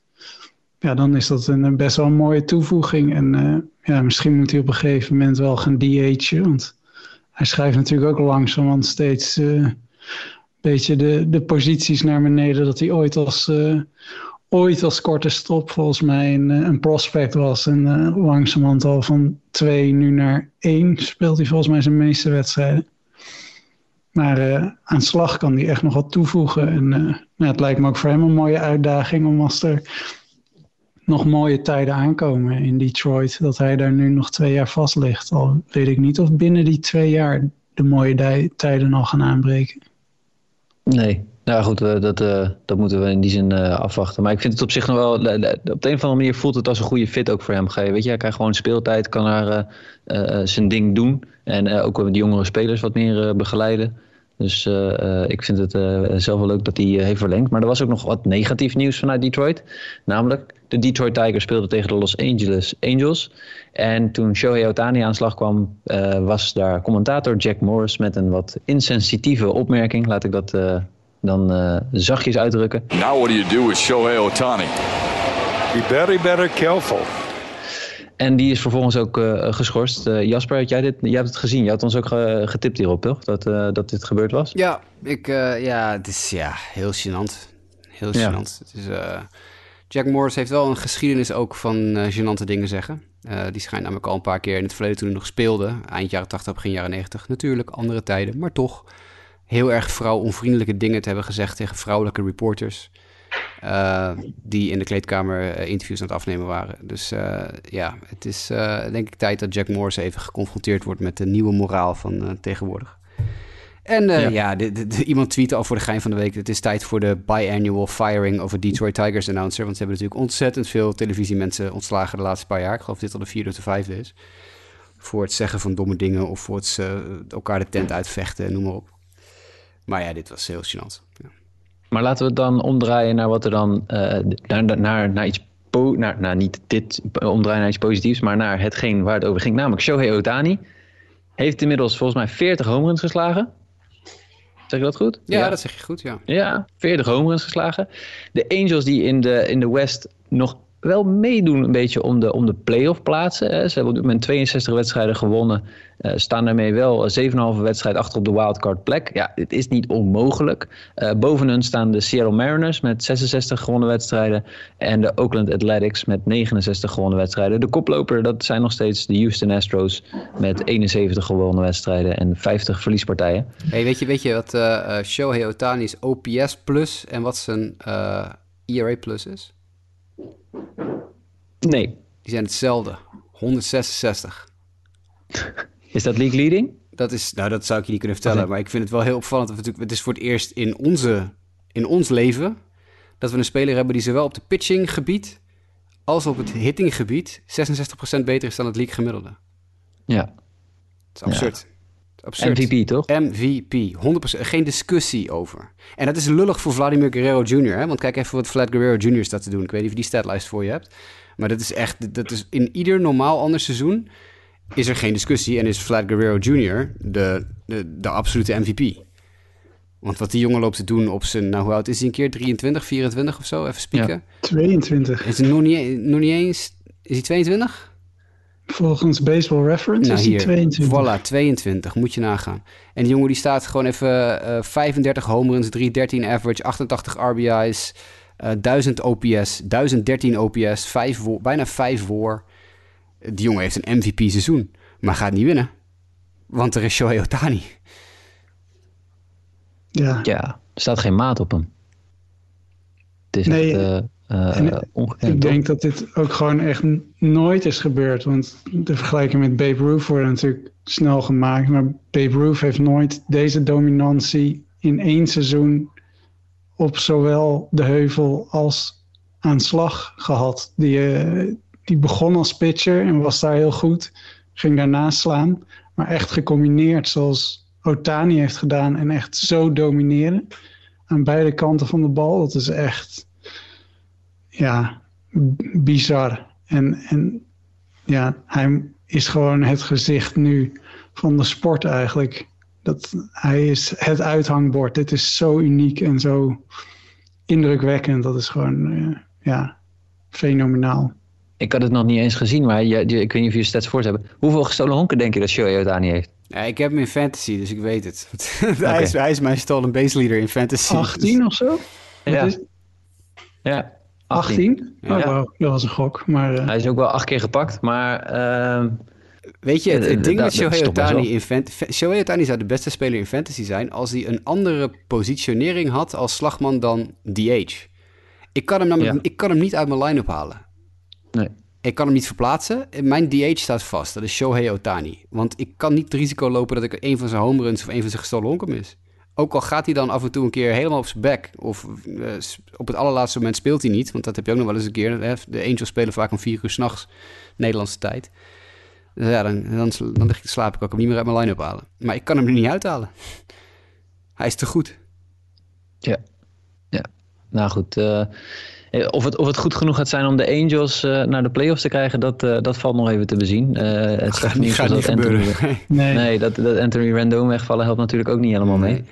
Ehm, Wat een ja, teleurstelling ook, eh, hè, de Rendon. Ja, Poeh, het spel van Anthony Rendon helpt überhaupt niet mee. Dat Nee. hij nu wegvalt. Dat, eh, ja, Dat maakt het team Is misschien jammer. beter. Addition by subtraction heet dat, geloof ik, hè? ja. precies. Ja, nou, en de Athletics hebben na de trade deadline nog wel een kleine push gemaakt. Hè. Die zijn wel dichterbij gekomen op de Astros. Dus dat, ik denk dat dat nog wel een, eh, een spannende race gaat worden de, de komende Ja, weken. Starling Marte is een absolute, absolute eh, toevoeging Ja, winst. geweest aan dat team. Ja. Eh, op alle gebieden. Het is natuurlijk iemand die op meerdere vlakken ja, iets, iets brengt voor een team. Maar die gozer die gisteren gooide... Oeh, dat is een mooie alliteratie. Die gozer die gisteren gooide. Even spieken hoe die ook alweer heette. Is het Nevin of Levin of zo? Kijken wie er sneller googelt, eh, jullie of ik. Eh, die jongen is ook echt sneaky goed. Irvin? Irvin, ja, die gast. Ja, Ja. dankjewel. Ik heb niet gegoogeld, maar ik wist ik Nee, heel goed, heel naam. goed. Ja, ja. Die is echt, eh, dat is een jongen die echt gewoon heel stabiel gooit. Het is eh, niet super hoge strikeout aantallen en niet super hoge eh, echt eye-popping stats of zo. Maar die jongen is gewoon echt heel constant. Het is een van de meest constante werpers in de Major League op dit moment. Dat is ook heel belangrijk voor een team waar natuurlijk wat, ja, qua pitching wel weer het een en ander zo nu en dan rammelt. Maar Ja, en Ja, dat is. misschien- de- de- de- de- de- ik wil dit niet als een bruggetje gebruiken, maar Chris Bassett werd op zijn. eh, eh, werd op een pitch eh, die werd geraakt en die kwam recht op zijn hoofd af. We hebben denk ik Ja. allemaal de beelden gezien. Dat was echt 106 mijl per verschrikkelijk om te zien. ja. Maar goed, eh, ook Bassett is wel een, een belangrijke werper voor de Athletics. En als die langere tijd wegvalt, dat. eh, Nou, hij moet geopereerd worden aan een aantal breuken in zijn gezicht. Dus dat- ik, ik denk niet dat we die voorlopig nog terugzien. Nee. ik denk niet eens dit seizoen eigenlijk. ik Als denk ik het ook eerlijk niet. ben. Nee. nee. Ah, En toch, als, het, als het iedere keer gebeurt, vraag ik me toch af: ja, wat kunnen we hier aan doen om dit te voorkomen? Nee, niet. Nee, het is, je kan er, het is heel simpel, je kan er niks aan doen. Sommige werpers hebben geëxperimenteerd met het hebben van petten met extra padding erin. Nou, ten eerste ziet het er niet uit, ten tweede schijnt het ook nog eens een keer ontzettend oncomfortabel te zijn. Ja. Daarom doen werpers het ook niet meer. Het is gewoon heel oncomfortabel. Ehm Bassett heeft gewoon, ja, dit klinkt heel lullig om te zeggen eh, over een jongen die vol op zijn sodemieter en bloedend uit zijn oor eh, van het veld gehaald wordt natuurlijk. Dat is echt eh, vreselijk. Ehm, hij, heeft nou, hij valt nou eenmaal op een hele ongemakkelijke manier van de heuvel af als hij gooit. Hij, hij, hij, het is geen pitcher die landt op een manier dat hij dit ook zou kunnen voorkomen. Je hebt wel eens een werper die, dan zie je een soort Spider-Man-achtige beweging, waardoor ze toch nog die bal van zich weg weten te slaan of hem toch weten te vangen. Dat komt doordat ze in een goede fieldingpositie uitkomen. En Bassett doet dat helemaal niet. Die valt zo scheef van de heuvel af als hij pitcht. Dat hij, Ja. zich, dat hij zichzelf ook niet... Als dit gebeurt, kan hij zichzelf niet verdedigen. En natuurlijk is dit niet zijn schuld. Dit is niemands schuld. Want Brian Goodwin, de, werper, de slagman die de bal sloeg... heeft dit natuurlijk ook niet expres gedaan. Nee. Die raakt hem gewoon absoluut vol... en slaat hem recht door het midden. Ja, vol op het hoofd van, van Chris Bassett. Maar ja, Bassett helpt zichzelf dus ook niet. Dat is... Ja, je kan er niks tegen doen. nee. Moeten we dan ook nog heel even een, eh, een lans breken voor Matt Olsen, die een eh, fantastisch seizoen draait met Absoluut. 31 home runs, OPS plus van 162. Want eh, ja, verder als je naar die, die line-up kijkt, dan valt dat eigenlijk nogal mee. Hè? Ze hebben fantastische pitching, die allemaal, allemaal bovengemiddeld eh, presteren. Maar de slagploeg, en daar is dan nu Marte aan toegevoegd. Ze hebben ook Josh Harrison. Ik weet niet precies hoe die nu draait, sinds hij de overstap heeft Ja, gemaakt. zeggen, het is, het. Josh Harrison, weet je. Het is geen... Ja. eh, Ja, dus, eh, ja ik, eh Matt Olsen is fantastisch. En ik zag hem ook dat hij hoog op eh, MVP-lijstje staat. Maar ja, we hebben Top vijf. net al vergeven. Ja. Dus Ja, het is heel fijn dat Matt Olsen dat doet een jaar nadat ik hem uit mijn Keeper League heb gedropt, omdat hij zo verschrikkelijk slecht was. Dat, Maar hij is wel de aanvoerder van het team van, je, van Sander. een van mijn teams eh, heet de Olsen Twins, ja. ja, inderdaad. Ja, fantastisch. ja. Doet het heel goed. Er was ook nog één minder berichtje nog uit, eh, uit Oakland. En dat was dat eh, Ramon Laureano betrapt is op eh, performance enhancing drugs. En hij is dus 80 potjes geschorst dit jaar. En zal er nog 27 daarvan uitzitten volgend seizoen. Ja, hij wist zelf niet dat hij het genomen had, zegt hij. Hij is op onderzoek uit. eh, dat waarschijnlijk het, het standaard verhaal weer. Ehm, dirty eh, eh, voedingssupplementen of zo. Ja. Nou goed, dan moeten we even afwachten wat daar eh, uitgekomen. Maar dan gaan we door naar de National League, want daar valt nog genoeg te bespreken. En we gaan beginnen met de NL East. Daar staan de Atlanta Braves op dit moment bovenaan met 65 gewonnen wedstrijden. Vier wedstrijden daarachter staan de Philadelphia Phillies, die eh, op dit moment wat minder gaan. Die zijn net gesweept door de eh, slechtste ploeg uit de National League. Wat minder gaan, zeg je wel heel aardig. Ja, toch? Ja, het eh, sympathiek. Dan hebben we de New York Mets. Die gingen wat minder, maar daar komen ze weer. Die staan op 60-61. Eén wedstrijdje achter de Phillies. De Washington Nationals doen niet meer mee met 52-68. En 51-71 is het record van de Miami Marlins. Dus wie de laatste gaat worden, dat is ook nog niet beslist. Maar goed. Ja, wil je, wil, je, wil je praten over de Washington Nationals, Mike, of niet? Eh, ja, ik, ik zal wel eerlijk bekennen inderdaad dat ik dat verkeerd heb ingezien. Het is een van mijn weinige Maar- dingen die ik goed heb ingezien trouwens. Maar goed, dat is een ander punt. Dat, eh, Ja, nee, ja, de, de, eh, de, de Twins, de Diamondbacks en, en, en, eh, en, en de Nationals zitten een beetje soort van dat je dacht van, nou, misschien zit er wel nog wel wat in. En dat bleek allemaal echt gewoon verschrikkelijk. Dus nee, die gaan ook niet meer. Die, ik, ik, ik durf voorzichtig wel te zeggen dat die gaan dit seizoen niet meer bijtrekken. En ik verwacht dat ze volgend seizoen ook niet mee gaan doen om de, om de, om de play-off plaatsen. Iemand tweette gisteren, ik vergeten wie, een of andere verified reporter in Amerika tweette. Volgens mij is Mike Petriello. Nou, misschien was het wel Petriello. Zei eigenlijk, eigenlijk mag gewoon niemand de NL East winnen. Want al die teams spelen zo ontzettend bagger. Het is echt... De Braves hebben dan een goede streak hoor nu. Die zijn echt wel oké bezig. Maar eh, de- Braves voeren die divisie aan met een, eh, run differential van plus 86. Wat echt een van de minste in... Wat de minste is denk ik van alle divisieleiders. En een van de minste in baseball van, van teams die een positief run differential hebben. En de andere vier teams hebben een negatief run differential. De Mets niet om aan te zien. Phillies niet om aan te zien. Nationals ontzettend slecht. Marlins, ja goed, dat, ja, het zijn de Marlins. Gaat de ene en de andere kant op. Maar eh, dit is eigenlijk, eigenlijk mag gewoon niemand die divisie. Eigenlijk moeten gewoon de hele NL East gewoon uit de playoffs verbannen. Gaan we niet doen. Gaan we niet doen. Er valt nog steeds genoeg eh, te spelen. Sterker nog, eh, de, ja, nee, de wildcard wordt wel lastig verhaal voor die divisie. Maar wat, wat er wel valt nog, hè, de, de Jacob de Grom. 99,9% zeker niet meer in actie dit seizoen. Dat is wel heel slecht nieuws. Voor fans, Ja, het is ook sowieso wel een beetje de divisie van de blessures eigenlijk. Hè? Want eh Atlanta heeft natuurlijk eh Acuna, Soroka, Inoa was geblesseerd, Anderson. Eh, de Mets, volgens mij zijn eh, daar op dit moment Lindor, Baez en de Grom geblesseerd. Ja. Syndergaard komt er weer voorzichtig aan, maar vermoedelijk als reliever. Ja, nou, dat, is, eh, dat, dat zijn aardig wat eh, namen die je zo op een lijstje hebt die er allemaal wegvallen. Dus eh, ja, ik ben blij dat, dat de Braves, zoals ik voorspeld had, nu toch boven komen drijven. Maar in hoeverre een van deze teams het, het, het geweld uit de NL West moeilijk gaat maken. Ja, dat lijkt me op dit moment lijkt me die kans klein. Ondanks dat de Braves wel echt goed in vorm zijn nu. Maar ja, dan nog blijf ik erbij dat eh, deze divisie is gewoon eh, de lam en de blinde. En, eh, en de lammen staan nu bovenaan. Maar ja, ik denk in de, in de playoffs krijgen deze teams het allemaal heel moeilijk. De Braves hebben wel eh, het contract verlengd van Travis catcher Travis Darno met twee jaar, 16 miljoen. Dat was volgens mij ook de deal die hij op dit moment had, maar die liep, eh, liep af, dus die is weer verlengd. Eh, en nog even terugkomend op de Grom, ja, die had dus, wat is het, een week of vier, vijf geleden rust gekregen om zijn elleboog te laten rusten. Nou, twee weken later was het nieuws, hij heeft nog twee weken nodig. En inmiddels zijpelt steeds meer doordat die, die ontsteking in die elleboog niet echt weggaat. Ik weet niet of dat grote reden tot zorg is, maar daar wordt weinig verder over bekend gemaakt. Weet ik dus, ook niet, daar heb ik geen uh, informatie over. Het, het scheelt, ja, nou, laat ik zeggen, de Mets met of zonder is wel een, uh, een behoorlijk, een behoorlijk verschil. En überhaupt in de playoffs, als je Jacob hebt, dan heb je echt altijd wel een kans. En dat hebben de Mets wel nodig gegeven, de, de werpers die ze hebben. Er is ook nog één ander verhaal, dat was, uh, daar, daar, had jij het over in de, in de app, uh, Jasper. Uh, maar dat gaat over Miami's werper Trevor Rogers, hè? Nou, dat is een heel vervelend verhaal eigenlijk. Trevor Rogers, we hebben hem regelmatig besproken. is natuurlijk een pitcher die eigenlijk in de, misschien wel de nummer één kandidaat was voor National League Rookie of the Year. Uh, fantastisch rookie seizoen dat Rogers doormaakt. Enige uh, een van de weinige lichtpuntjes van een Miami Marlins team dat verder natuurlijk niet zo heel erg veel in de melk te brokkelen heeft.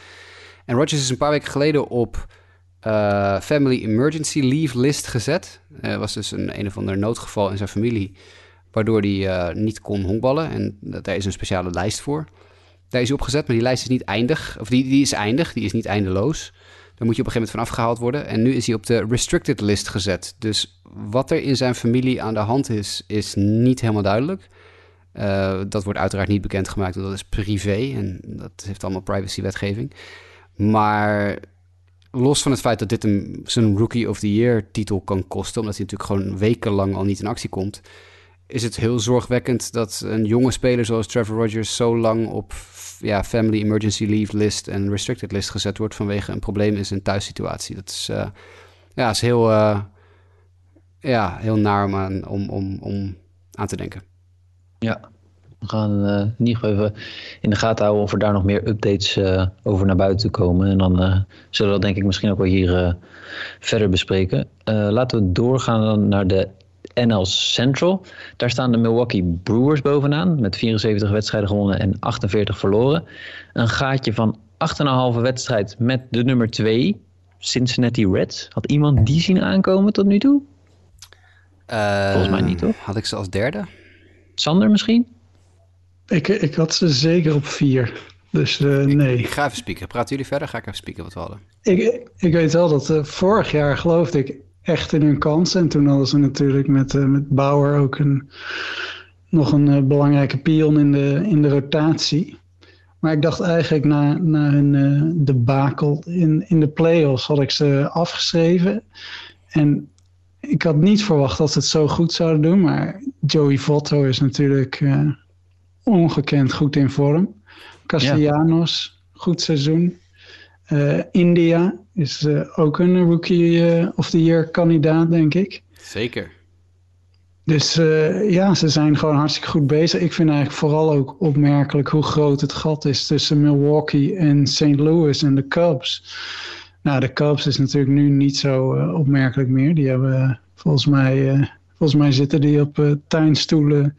Want ze hebben alles wat los en vast eh, verkocht. Maar ja, ik, ik, ik vind het leuk dat Cincinnati het goed doet. Het is toch... eh, Ik heb het even opgezocht. Preseason. Eh Sander en ik hebben de Reds op plek 4 in de divisie en Mike op plek 3. Oei, zie je weer wie de echte kenner is. Lekker Van Dijk. Ja, zullen we het even over de Reds neer? nou, maar goed, ook, ook de, de, de pitching, zeg maar. eh, Tyler Mali en, en Wade Miley, die toch wel eh Ja, dat, allemaal zonder Luis Castillo. want Luis Castillo is gewoon niet goed weer dit jaar. Nee. Nee. Ja, en, en de vraag is, gaat hij dan ooit, zeg maar, die, die belofte die hij heeft, zeg maar, eh, inlossen? Ik weet, vorig jaar was hij, volgens mij was het vorig jaar toch, dat hij echt een breakout season had eigenlijk. Eh, ja, of twee Ja, jaar dat geleden misschien al. Ja, hij was vorig jaar in ieder geval wel heel goed. Ja, Ja. ja, dat het blijft Ja. heel wisselvallig. Ik bedoel, hij heeft wel dit, dit, dit seizoen, zeker in de tweede helft, heeft hij best, is, hij- is hij echt een stuk beter aan het gooien. Ja. Eh, eh, zeker in, eh, in de maand juli eh, is hij heel goed geweest. Ehm, Nou ja, maar je, ja, het is Ja, puntje, puntje toch? bepaalt je deze offense van de Cincinnati Reds draait om een paar spelers. Want Winker, Winker, nu geblesseerd en voorlopig nog niet terug, werd eh, eh, door David Bell vandaag of gisteren gezegd dat eh, ze niet verwachten dat Winker terugkomt nadat zijn IL-stint afgelopen is. Dat duurt nog wel even wat langer. Ehm Castellanos, natuurlijk fantastisch. Die moet even op gaan houden met de hele tijd uit de wedstrijd gegooid te worden. Want die is geloof ik dit seizoen al wat drie of vier keer eruit gegooid. Voor dus commentaar. op- there's a drive, the deep left. ja, en it's a 4-nothing ballgame. Eh en Joey Votto. Wat Joey Votto de laatste paar weken loopt te doen, is, is nou, grens aan ongelooflijk. En ik, ik geniet ervan hoor. Ik bedoel, ik vind het fantastisch. Maar dit is, dit is waar dit ineens vandaan komt. Alleen maar omdat hij zelf besloten heeft, zoals hij zelf zei in een interview. Nee, ik zei op een gegeven moment tegen mezelf, waarom sla ik eigenlijk niet meer home runs? Dat zei hij, toen ben ik gaan proberen meer home runs te slaan. En dat lukt nu. Want hij heeft er geloof ik wel 12 geslagen in de laatste zes weken. Ja, volgens mij staat hij al op 14 of zo sinds de All-Star break. Nee, precies. Het, echt, het is echt sick wat hij loopt te doen. Dus het is echt, eh, op die drie spelers draait het bij de Reds. Eugenio Suarez is helemaal niks waard, dus dat, daar, daar kan je niet zoveel mee. Maar die drie jongens, die dragen die offense. En dan ja, net genoeg pitching erbij, net genoeg bullpen erbij. De Brewers kunnen ze niet bijhouden, want die pitching van de Brewers is gewoon zo waanzinnig goed. Ondanks dat Yelich nog steeds niet eh, bijdraagt dat hij zou bij moeten dragen. Mijn grote misser in deze divisie zit in de Cardinals. Ik had de Cardinals voorspeld. Ik had wel gezien dat, dat de, eh, de Cubs het niet gingen halen. Maar dat ze natuurlijk gingen leegverkopen had ik niet eh, bedacht. Maar ik had de Cardinals op nummer 1 en Brewers op 2. Maar de, Brewer- Ja. de Brewers die wandelen weg met deze divisie. Cardinals zijn echt niet om aan te zien ook af en toe. Ik, zie, ik heb hier de, de bullpen vormen van de, van de Reds. Wat voor eh, baseball reference een bullpen is. Maar ik moet zeggen, daar schrik ik toch wel van. Dat zijn, eh, nou, die hebben ze ook bijna allemaal niet meer. Brock en Hendricks zitten... Nee, Brock zit op de injured list. Hembry staat hier DF8. Maar Doolittle heeft een era van eh 446. Garrett 623. Ze eh, Doolittle is de enige onder de vijf van hun bullpen. Ja, hun, hun expected win-loss is ook iets lager dan wat ze nu staan. Hè? Maar goed, eh, Dat is op zich niet heel Ja, gek, van- maar je hebt ze spelen natuurlijk tegen teams die... Laten we even wel wezen. Als je, Ja. als je eh, meerdere, meerdere keren per seizoen tegen de Pirates en Cubs kan spelen, dat is, eh, dat is lekker voor je win-loss record. Ja, maar Milwaukee gaat deze divisie winnen. Met twee Ja. vingers in de Ja. neus. En die zitten gewoon in hetzelfde schuitje, zeg maar, in die zin als de White Sox. Fit raken richting eh, eh, de playoffs. Ja, dat is precies wat ze moeten doen. Hun spelers fit houden. Uh, hopen dat jongens als dat, die antivaxers als Corbin Burns en zo niet tegen nog een COVID-infectie aanlopen. Uh, en uh, ja, voor de rest gewoon zo fit mogelijk blijven. Ik, eigenlijk moeten we het over Willy Adames hebben. Ik weet dat we al onwijs lang bezig zijn. En misschien hebben mensen iets van, nou ja, fuck, ik ben geen zin meer in. Maar wat, wat Willy Adames aan het doen is, sinds die van de Rays naar de Brewers getrade is, is volslagen absurd ook. Bedoel, dat is, als die jongen MVP-stemmen krijgt, ik zou het niet eens gek vinden. Want dat is iemand die, waar je het helemaal niet over, genoeg, over hebt eigenlijk. Ik bedoel, ik ga even zijn game logs uh, erbij pakken, dat we even kunnen zien wat hij precies doet. Dat ik het statistisch kan onderbouwen wat ik met mijn eigen ogen ook al gezien heb. Even kijken hoor. Tampa Bay, Tampa Bay, Milwaukee. Hier gaat hij naar Milwaukee. Player went Ga ik heel kort in de tussentijd zeggen, zeggen gewoon... de Cardinals overwegen een contractverlenging met uh, uh, Jadier Molina. Hoeven daar verder niet meer over te houden. Nee, hebben. inderdaad. Uh, dit is wat Willy Adames sinds, sinds zijn trade naar de Brewers heeft gedaan. Uh, 326 plate appearances, 287 slagbeurten, 86 hits, 23 doubles. Dit is dus sinds 22 mei. Dus dat is mei naar juni, juni, juli, juli, augustus. Dus drie maanden. 23 doubles, 17 home runs, 50 RBI's. Met een slaggemiddelde van 300 en een OPS van 941. De jongen heeft in drie maanden tijd 23 dubbels en 17 home runs geslagen. Aan fuego. 50 RBI's, 4 gestolen honken, 30, uh, 300 batting average, 383 OBP, bijna 400 OBP. De, wat deze jongen loopt te doen is absurd. De, de, de, het gaat mij niet verbazen als Willy Adames MVP-stemmen gaat krijgen. Want zonder hem staan de Brewers niet zo ver voor als ze nu doen. Hij heeft eigenlijk in zijn eentje... Hij neemt over wat Yelich normaal gesproken produceert. Ja. Hij heeft letterlijk Christian Yelich zijn productie overgenomen. Ja. Voor een jongen die door de race eigenlijk gewoon bij het oud vuil gezet is. Ja, maar op basis van zijn statistieken van het begin van het seizoen... was dat ook niet zo heel gek. Nee, want bij de race was het helemaal niks. Hij nam afscheid bij de race met een OPS van 6,25. Ja, 6,25. En zijn, zijn seizoens-OPS staat nu op 8,43. Dus hij heeft, hij heeft sinds zijn trade naar Milwaukee zijn OPS 200 punten opgehoogd. Ja. Het is, het is volslagen waanzinnig wat hij loopt te doen. We moeten meer over Willy Adames praten. Net zo goed als ik zeg dat we meer over jongens als Andrew Vaughn moeten praten. Willy Adames, persoonlijke favoriet, ik heb meerdere keren over geschreven op de website de laatste paar jaar. We hebben het vaak in de podcast ook over gehad. Overbodig geworden bij de race vanwege Vidal Brugan, vanwege uh, Wander Franco en vanwege de jongen wiens naam we nu alweer vergeten zijn. Ondanks dat hij opgeroepen werd voordat... Walls? Ja, die ja. Walls? Ja, die Walls. Uh, da daardoor werd Adames eigenlijk overbodig. Maar deze jongen gaat een... Gaat een nou ja, als, hij, als hij dit volhoudt, wordt het een superster. Ja. Nou ja, en ook in een complete afwezigheid. Je noemt net al Christian Yelich, maar ook uh, Keeston Jura, uh, Lorenzo Kane en JBJ, Jackie Bradley Jr., yep. die eigenlijk ook uh, allemaal gewoon een offensief matig seizoen hebben. Zo niet slecht. Ja, 100%. Ik zie, ik zie nu Jackie Bradley, dat is, oei, 539 OPS, OPS plus van 45. Oef. Ja, het is, het is brutal.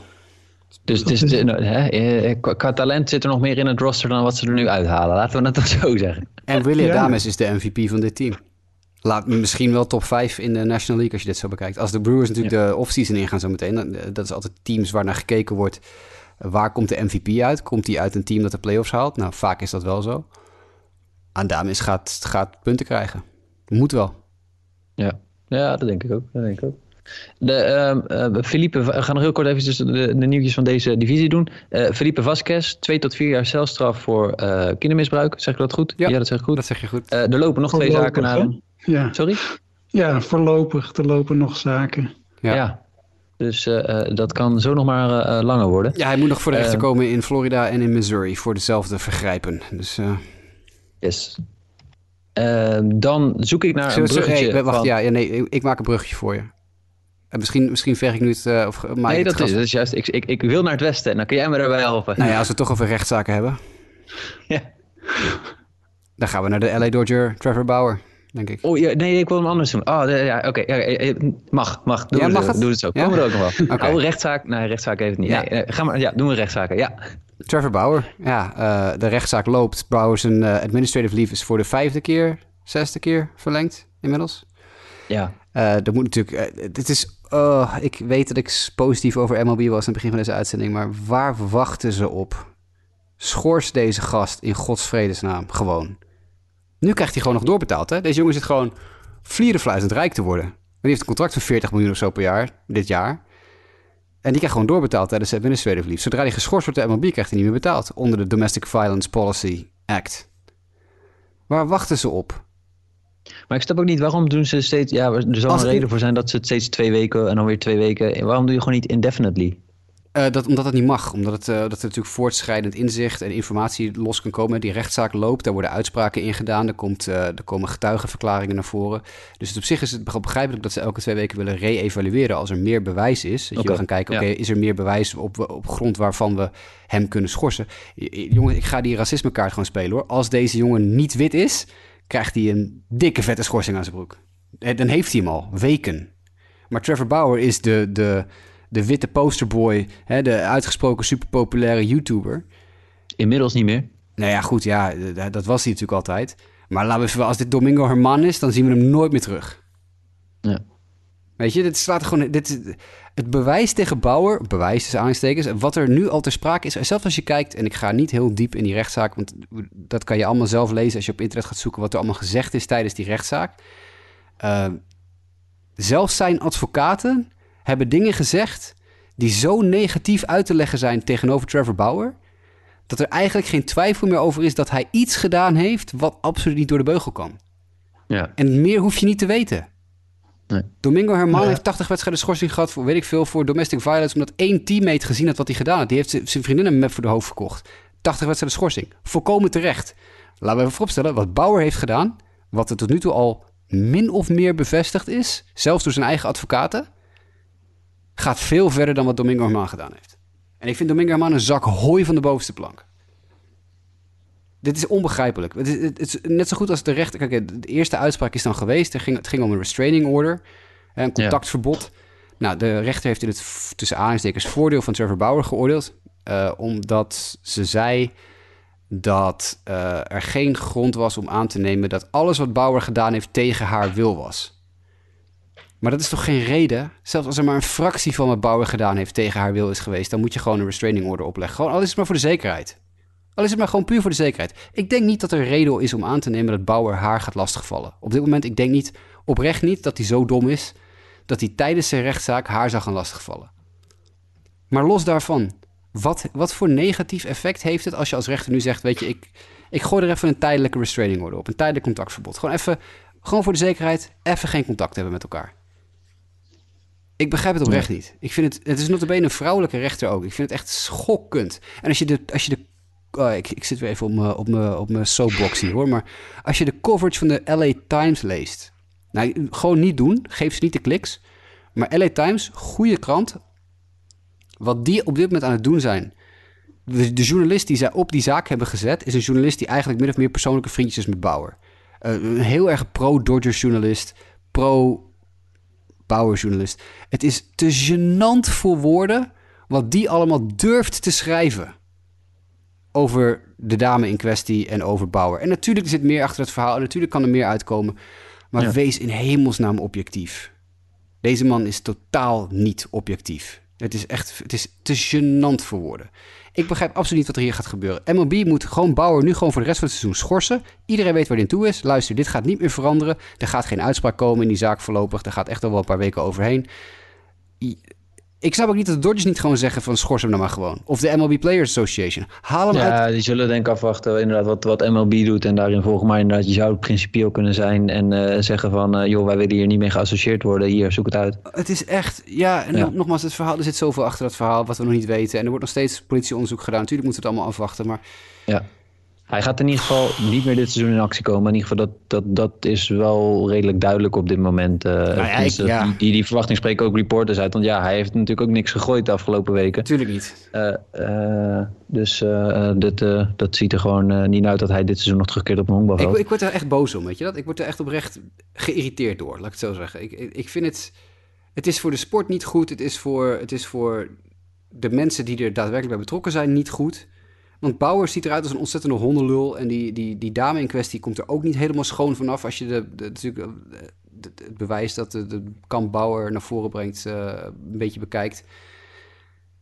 Laten we in hemelsnaam dit gewoon allemaal even achter gesloten deuren Stop het weg. Schors die gast gewoon klaar. Ik heb mijn fantasy ook gewoon gedropt. Ik heb hem twee weken lang of drie weken lang op Ja. mijn, op mijn eh, NE-lijst gezet. Van nou ja, goed, ik zet hem even weg. Ik kan, ik kan die rosterplek voor iemand anders gebruiken. En toen kwam het de situatie Trevor Rogers. En ik denk, nou, ik ga Trevor Rogers op de NE zetten. En Bauer kan even wegwezen. Ja, er is dit seizoen ook eh, geen reden meer om Trevor Bauer op je roster te houden, omdat hij gewoon niet meer eh, gaat spelen. Eh, dan is er, er zijn er ook nog ontwikkelingen rondom Omar Vizquel, daar hebben we het eerder ook over gehad. Daar is ook nu nog een, hoe zeg je dat? Een slachtoffer naar voren gekomen, een voormalig badboy, volgens mij die licht autistisch was. Birmingham Barons. Eh, Omar Vizquel heeft bij de Detroit Tigers als trainer, als coach gewerkt. En heeft bij de White Sox als manager in de minor leagues gewerkt. Voor Ja. de Birmingham Barons. En de bad boy van de Birmingham Barons heeft een aanklacht ingediend tegen eh Vizquel. Zou namelijk, ik weet niet of we dit vorige uitzending al uitgebreid in detail hebben verteld, maar die zou eh, zich naakt met een stevige erectie bij de jongen hebben gemeld en gezegd, jij gaat nu mijn rug wassen in de douche. Dat soort dingen. Nou, dat is heel erg niet oké. Om het maar even in een, eh, ja, heel erg niet oké. Ik denk dat dat de lading wat dekt. Wat een lul. Ja, het is echt, ja, dat heeft, ja, oké. dat, is, dat is misschien wel een beetje... No pun ja, ik wou zeggen een beetje beroerde woordkeus, maar eh, dat weet ik nou niet. Maar dat, eh, ja, het is natuurlijk heel... En hij schijnt dat nu ook al bij de Tigers gedaan te hebben. Dat, er is nu ook een, een clubhouse attendant van de Tigers naar voren gekomen... die zegt dat hij jaren geleden ook al een klacht heeft ingediend tegen Omar Vizquel over zoiets dergelijks. En daar is toen niks mee gedaan.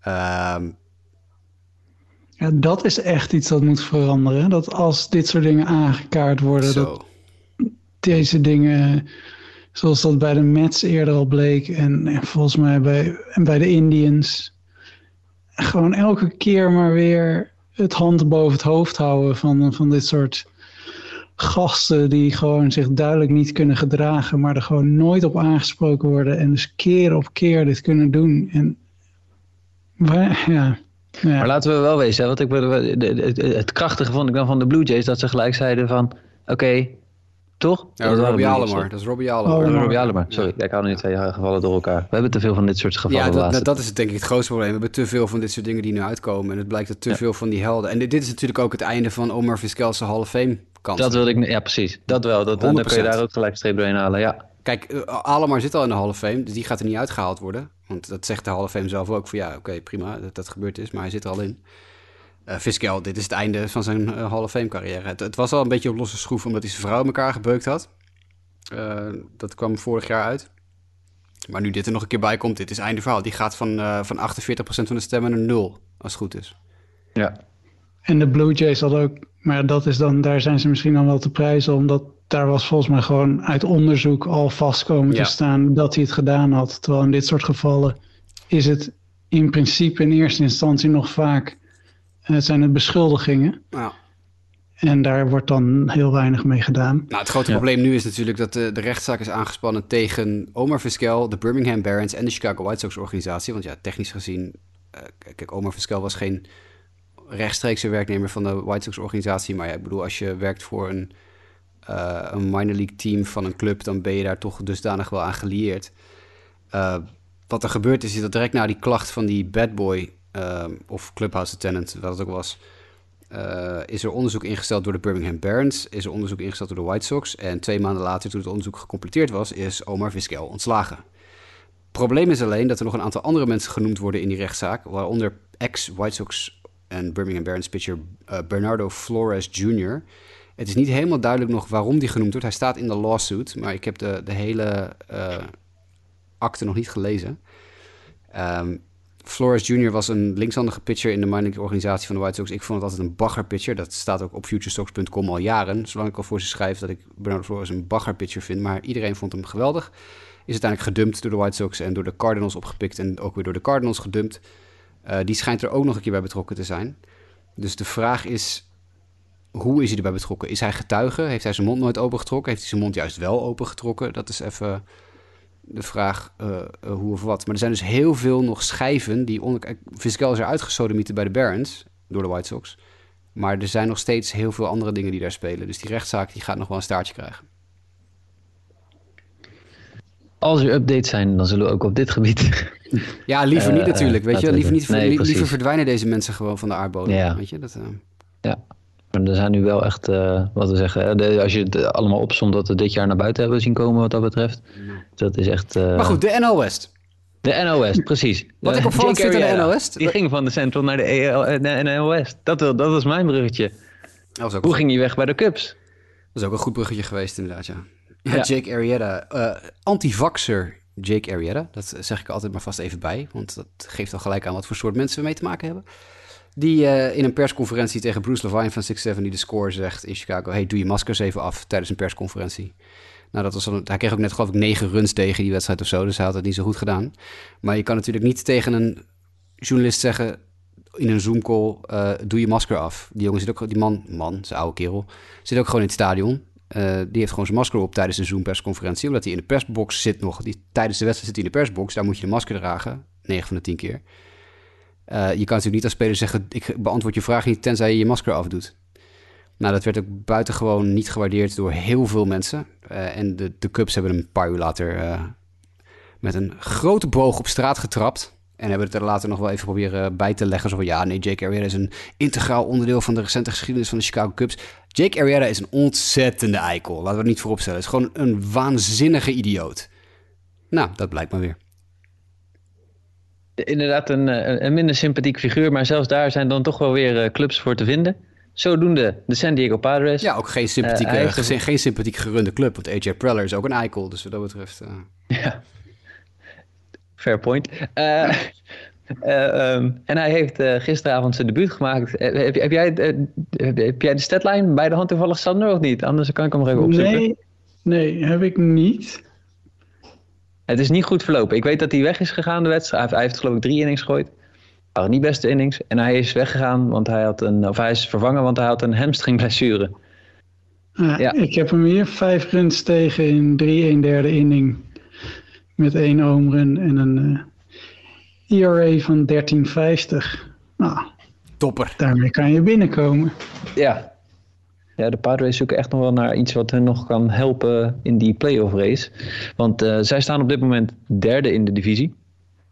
Uh, met 67 gewonnen wedstrijden. Uh, en zijn daarmee nog in het bezit van een wildcard. Maar het wordt wel spannend daarachter. Uh, want de, Cincinnati Reds voeren natuurlijk de, de, druk op.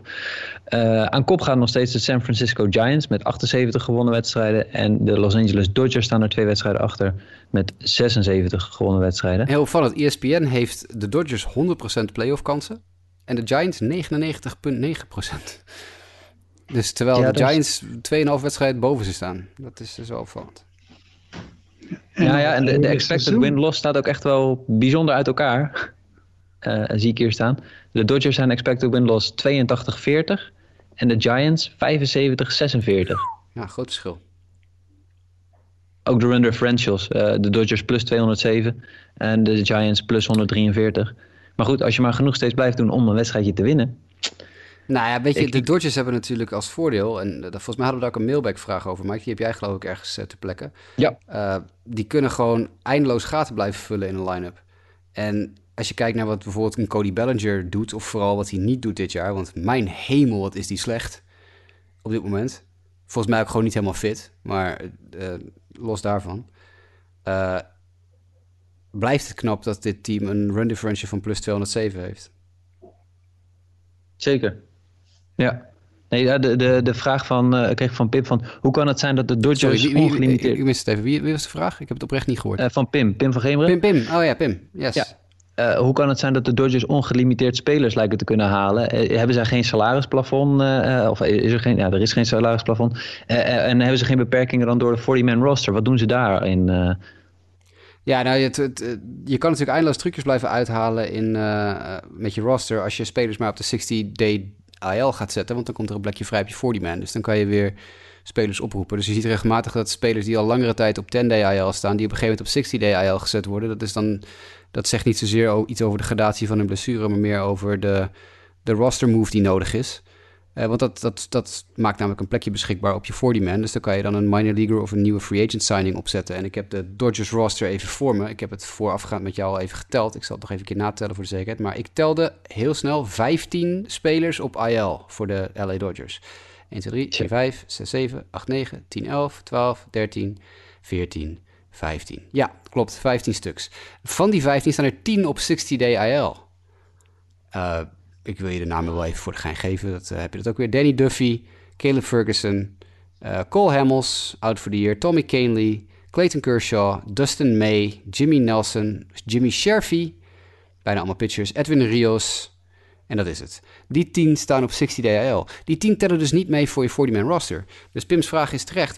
Hoezo kunnen ze eindeloos 40-man plekken blijven gebruiken? Nou, omdat spelers die op de 60 DHL staan niet meetellen. Dus ja, wat je dan doet, is zo snel mogelijk die jongens op 60 DHL zetten. Financieel gezien hebben de Dodgers natuurlijk scheid aan letterlijk alles. Ik bedoel, die krijgen een uh, dikke vette luxury tax rekening aan het eind van het jaar. Maar die is voor de Dodgers, die betalen ze lachend. Dat is alsof ik uh, eh, 5 euro voor je geef aan de ober bij de hamburger tent op de hoek. En, en ze ontwikkelen, om, om er nog iets een positieve noot aan toe te voegen, ontwikkelen ze gewoon ook natuurlijk heel veel talent, waardoor ze die spelers die, die in, in hun eerste jaren van hun carrière verdienen ze natuurlijk helemaal niet zoveel. Precies. Walker Bueller verdient nu nog geen 4 miljoen. En uh, Corey Seager zit nu nog op 13, 13 miljoen. David Price wordt voor de helft volgens mij nog steeds door Boston betaald. Uh, die jongens zitten nu nog gewoon. Ja, ik denk wanneer. Bellinger zal. Wanneer. Die is twee jaar verwijderd nog van free agency. Of drie jaar.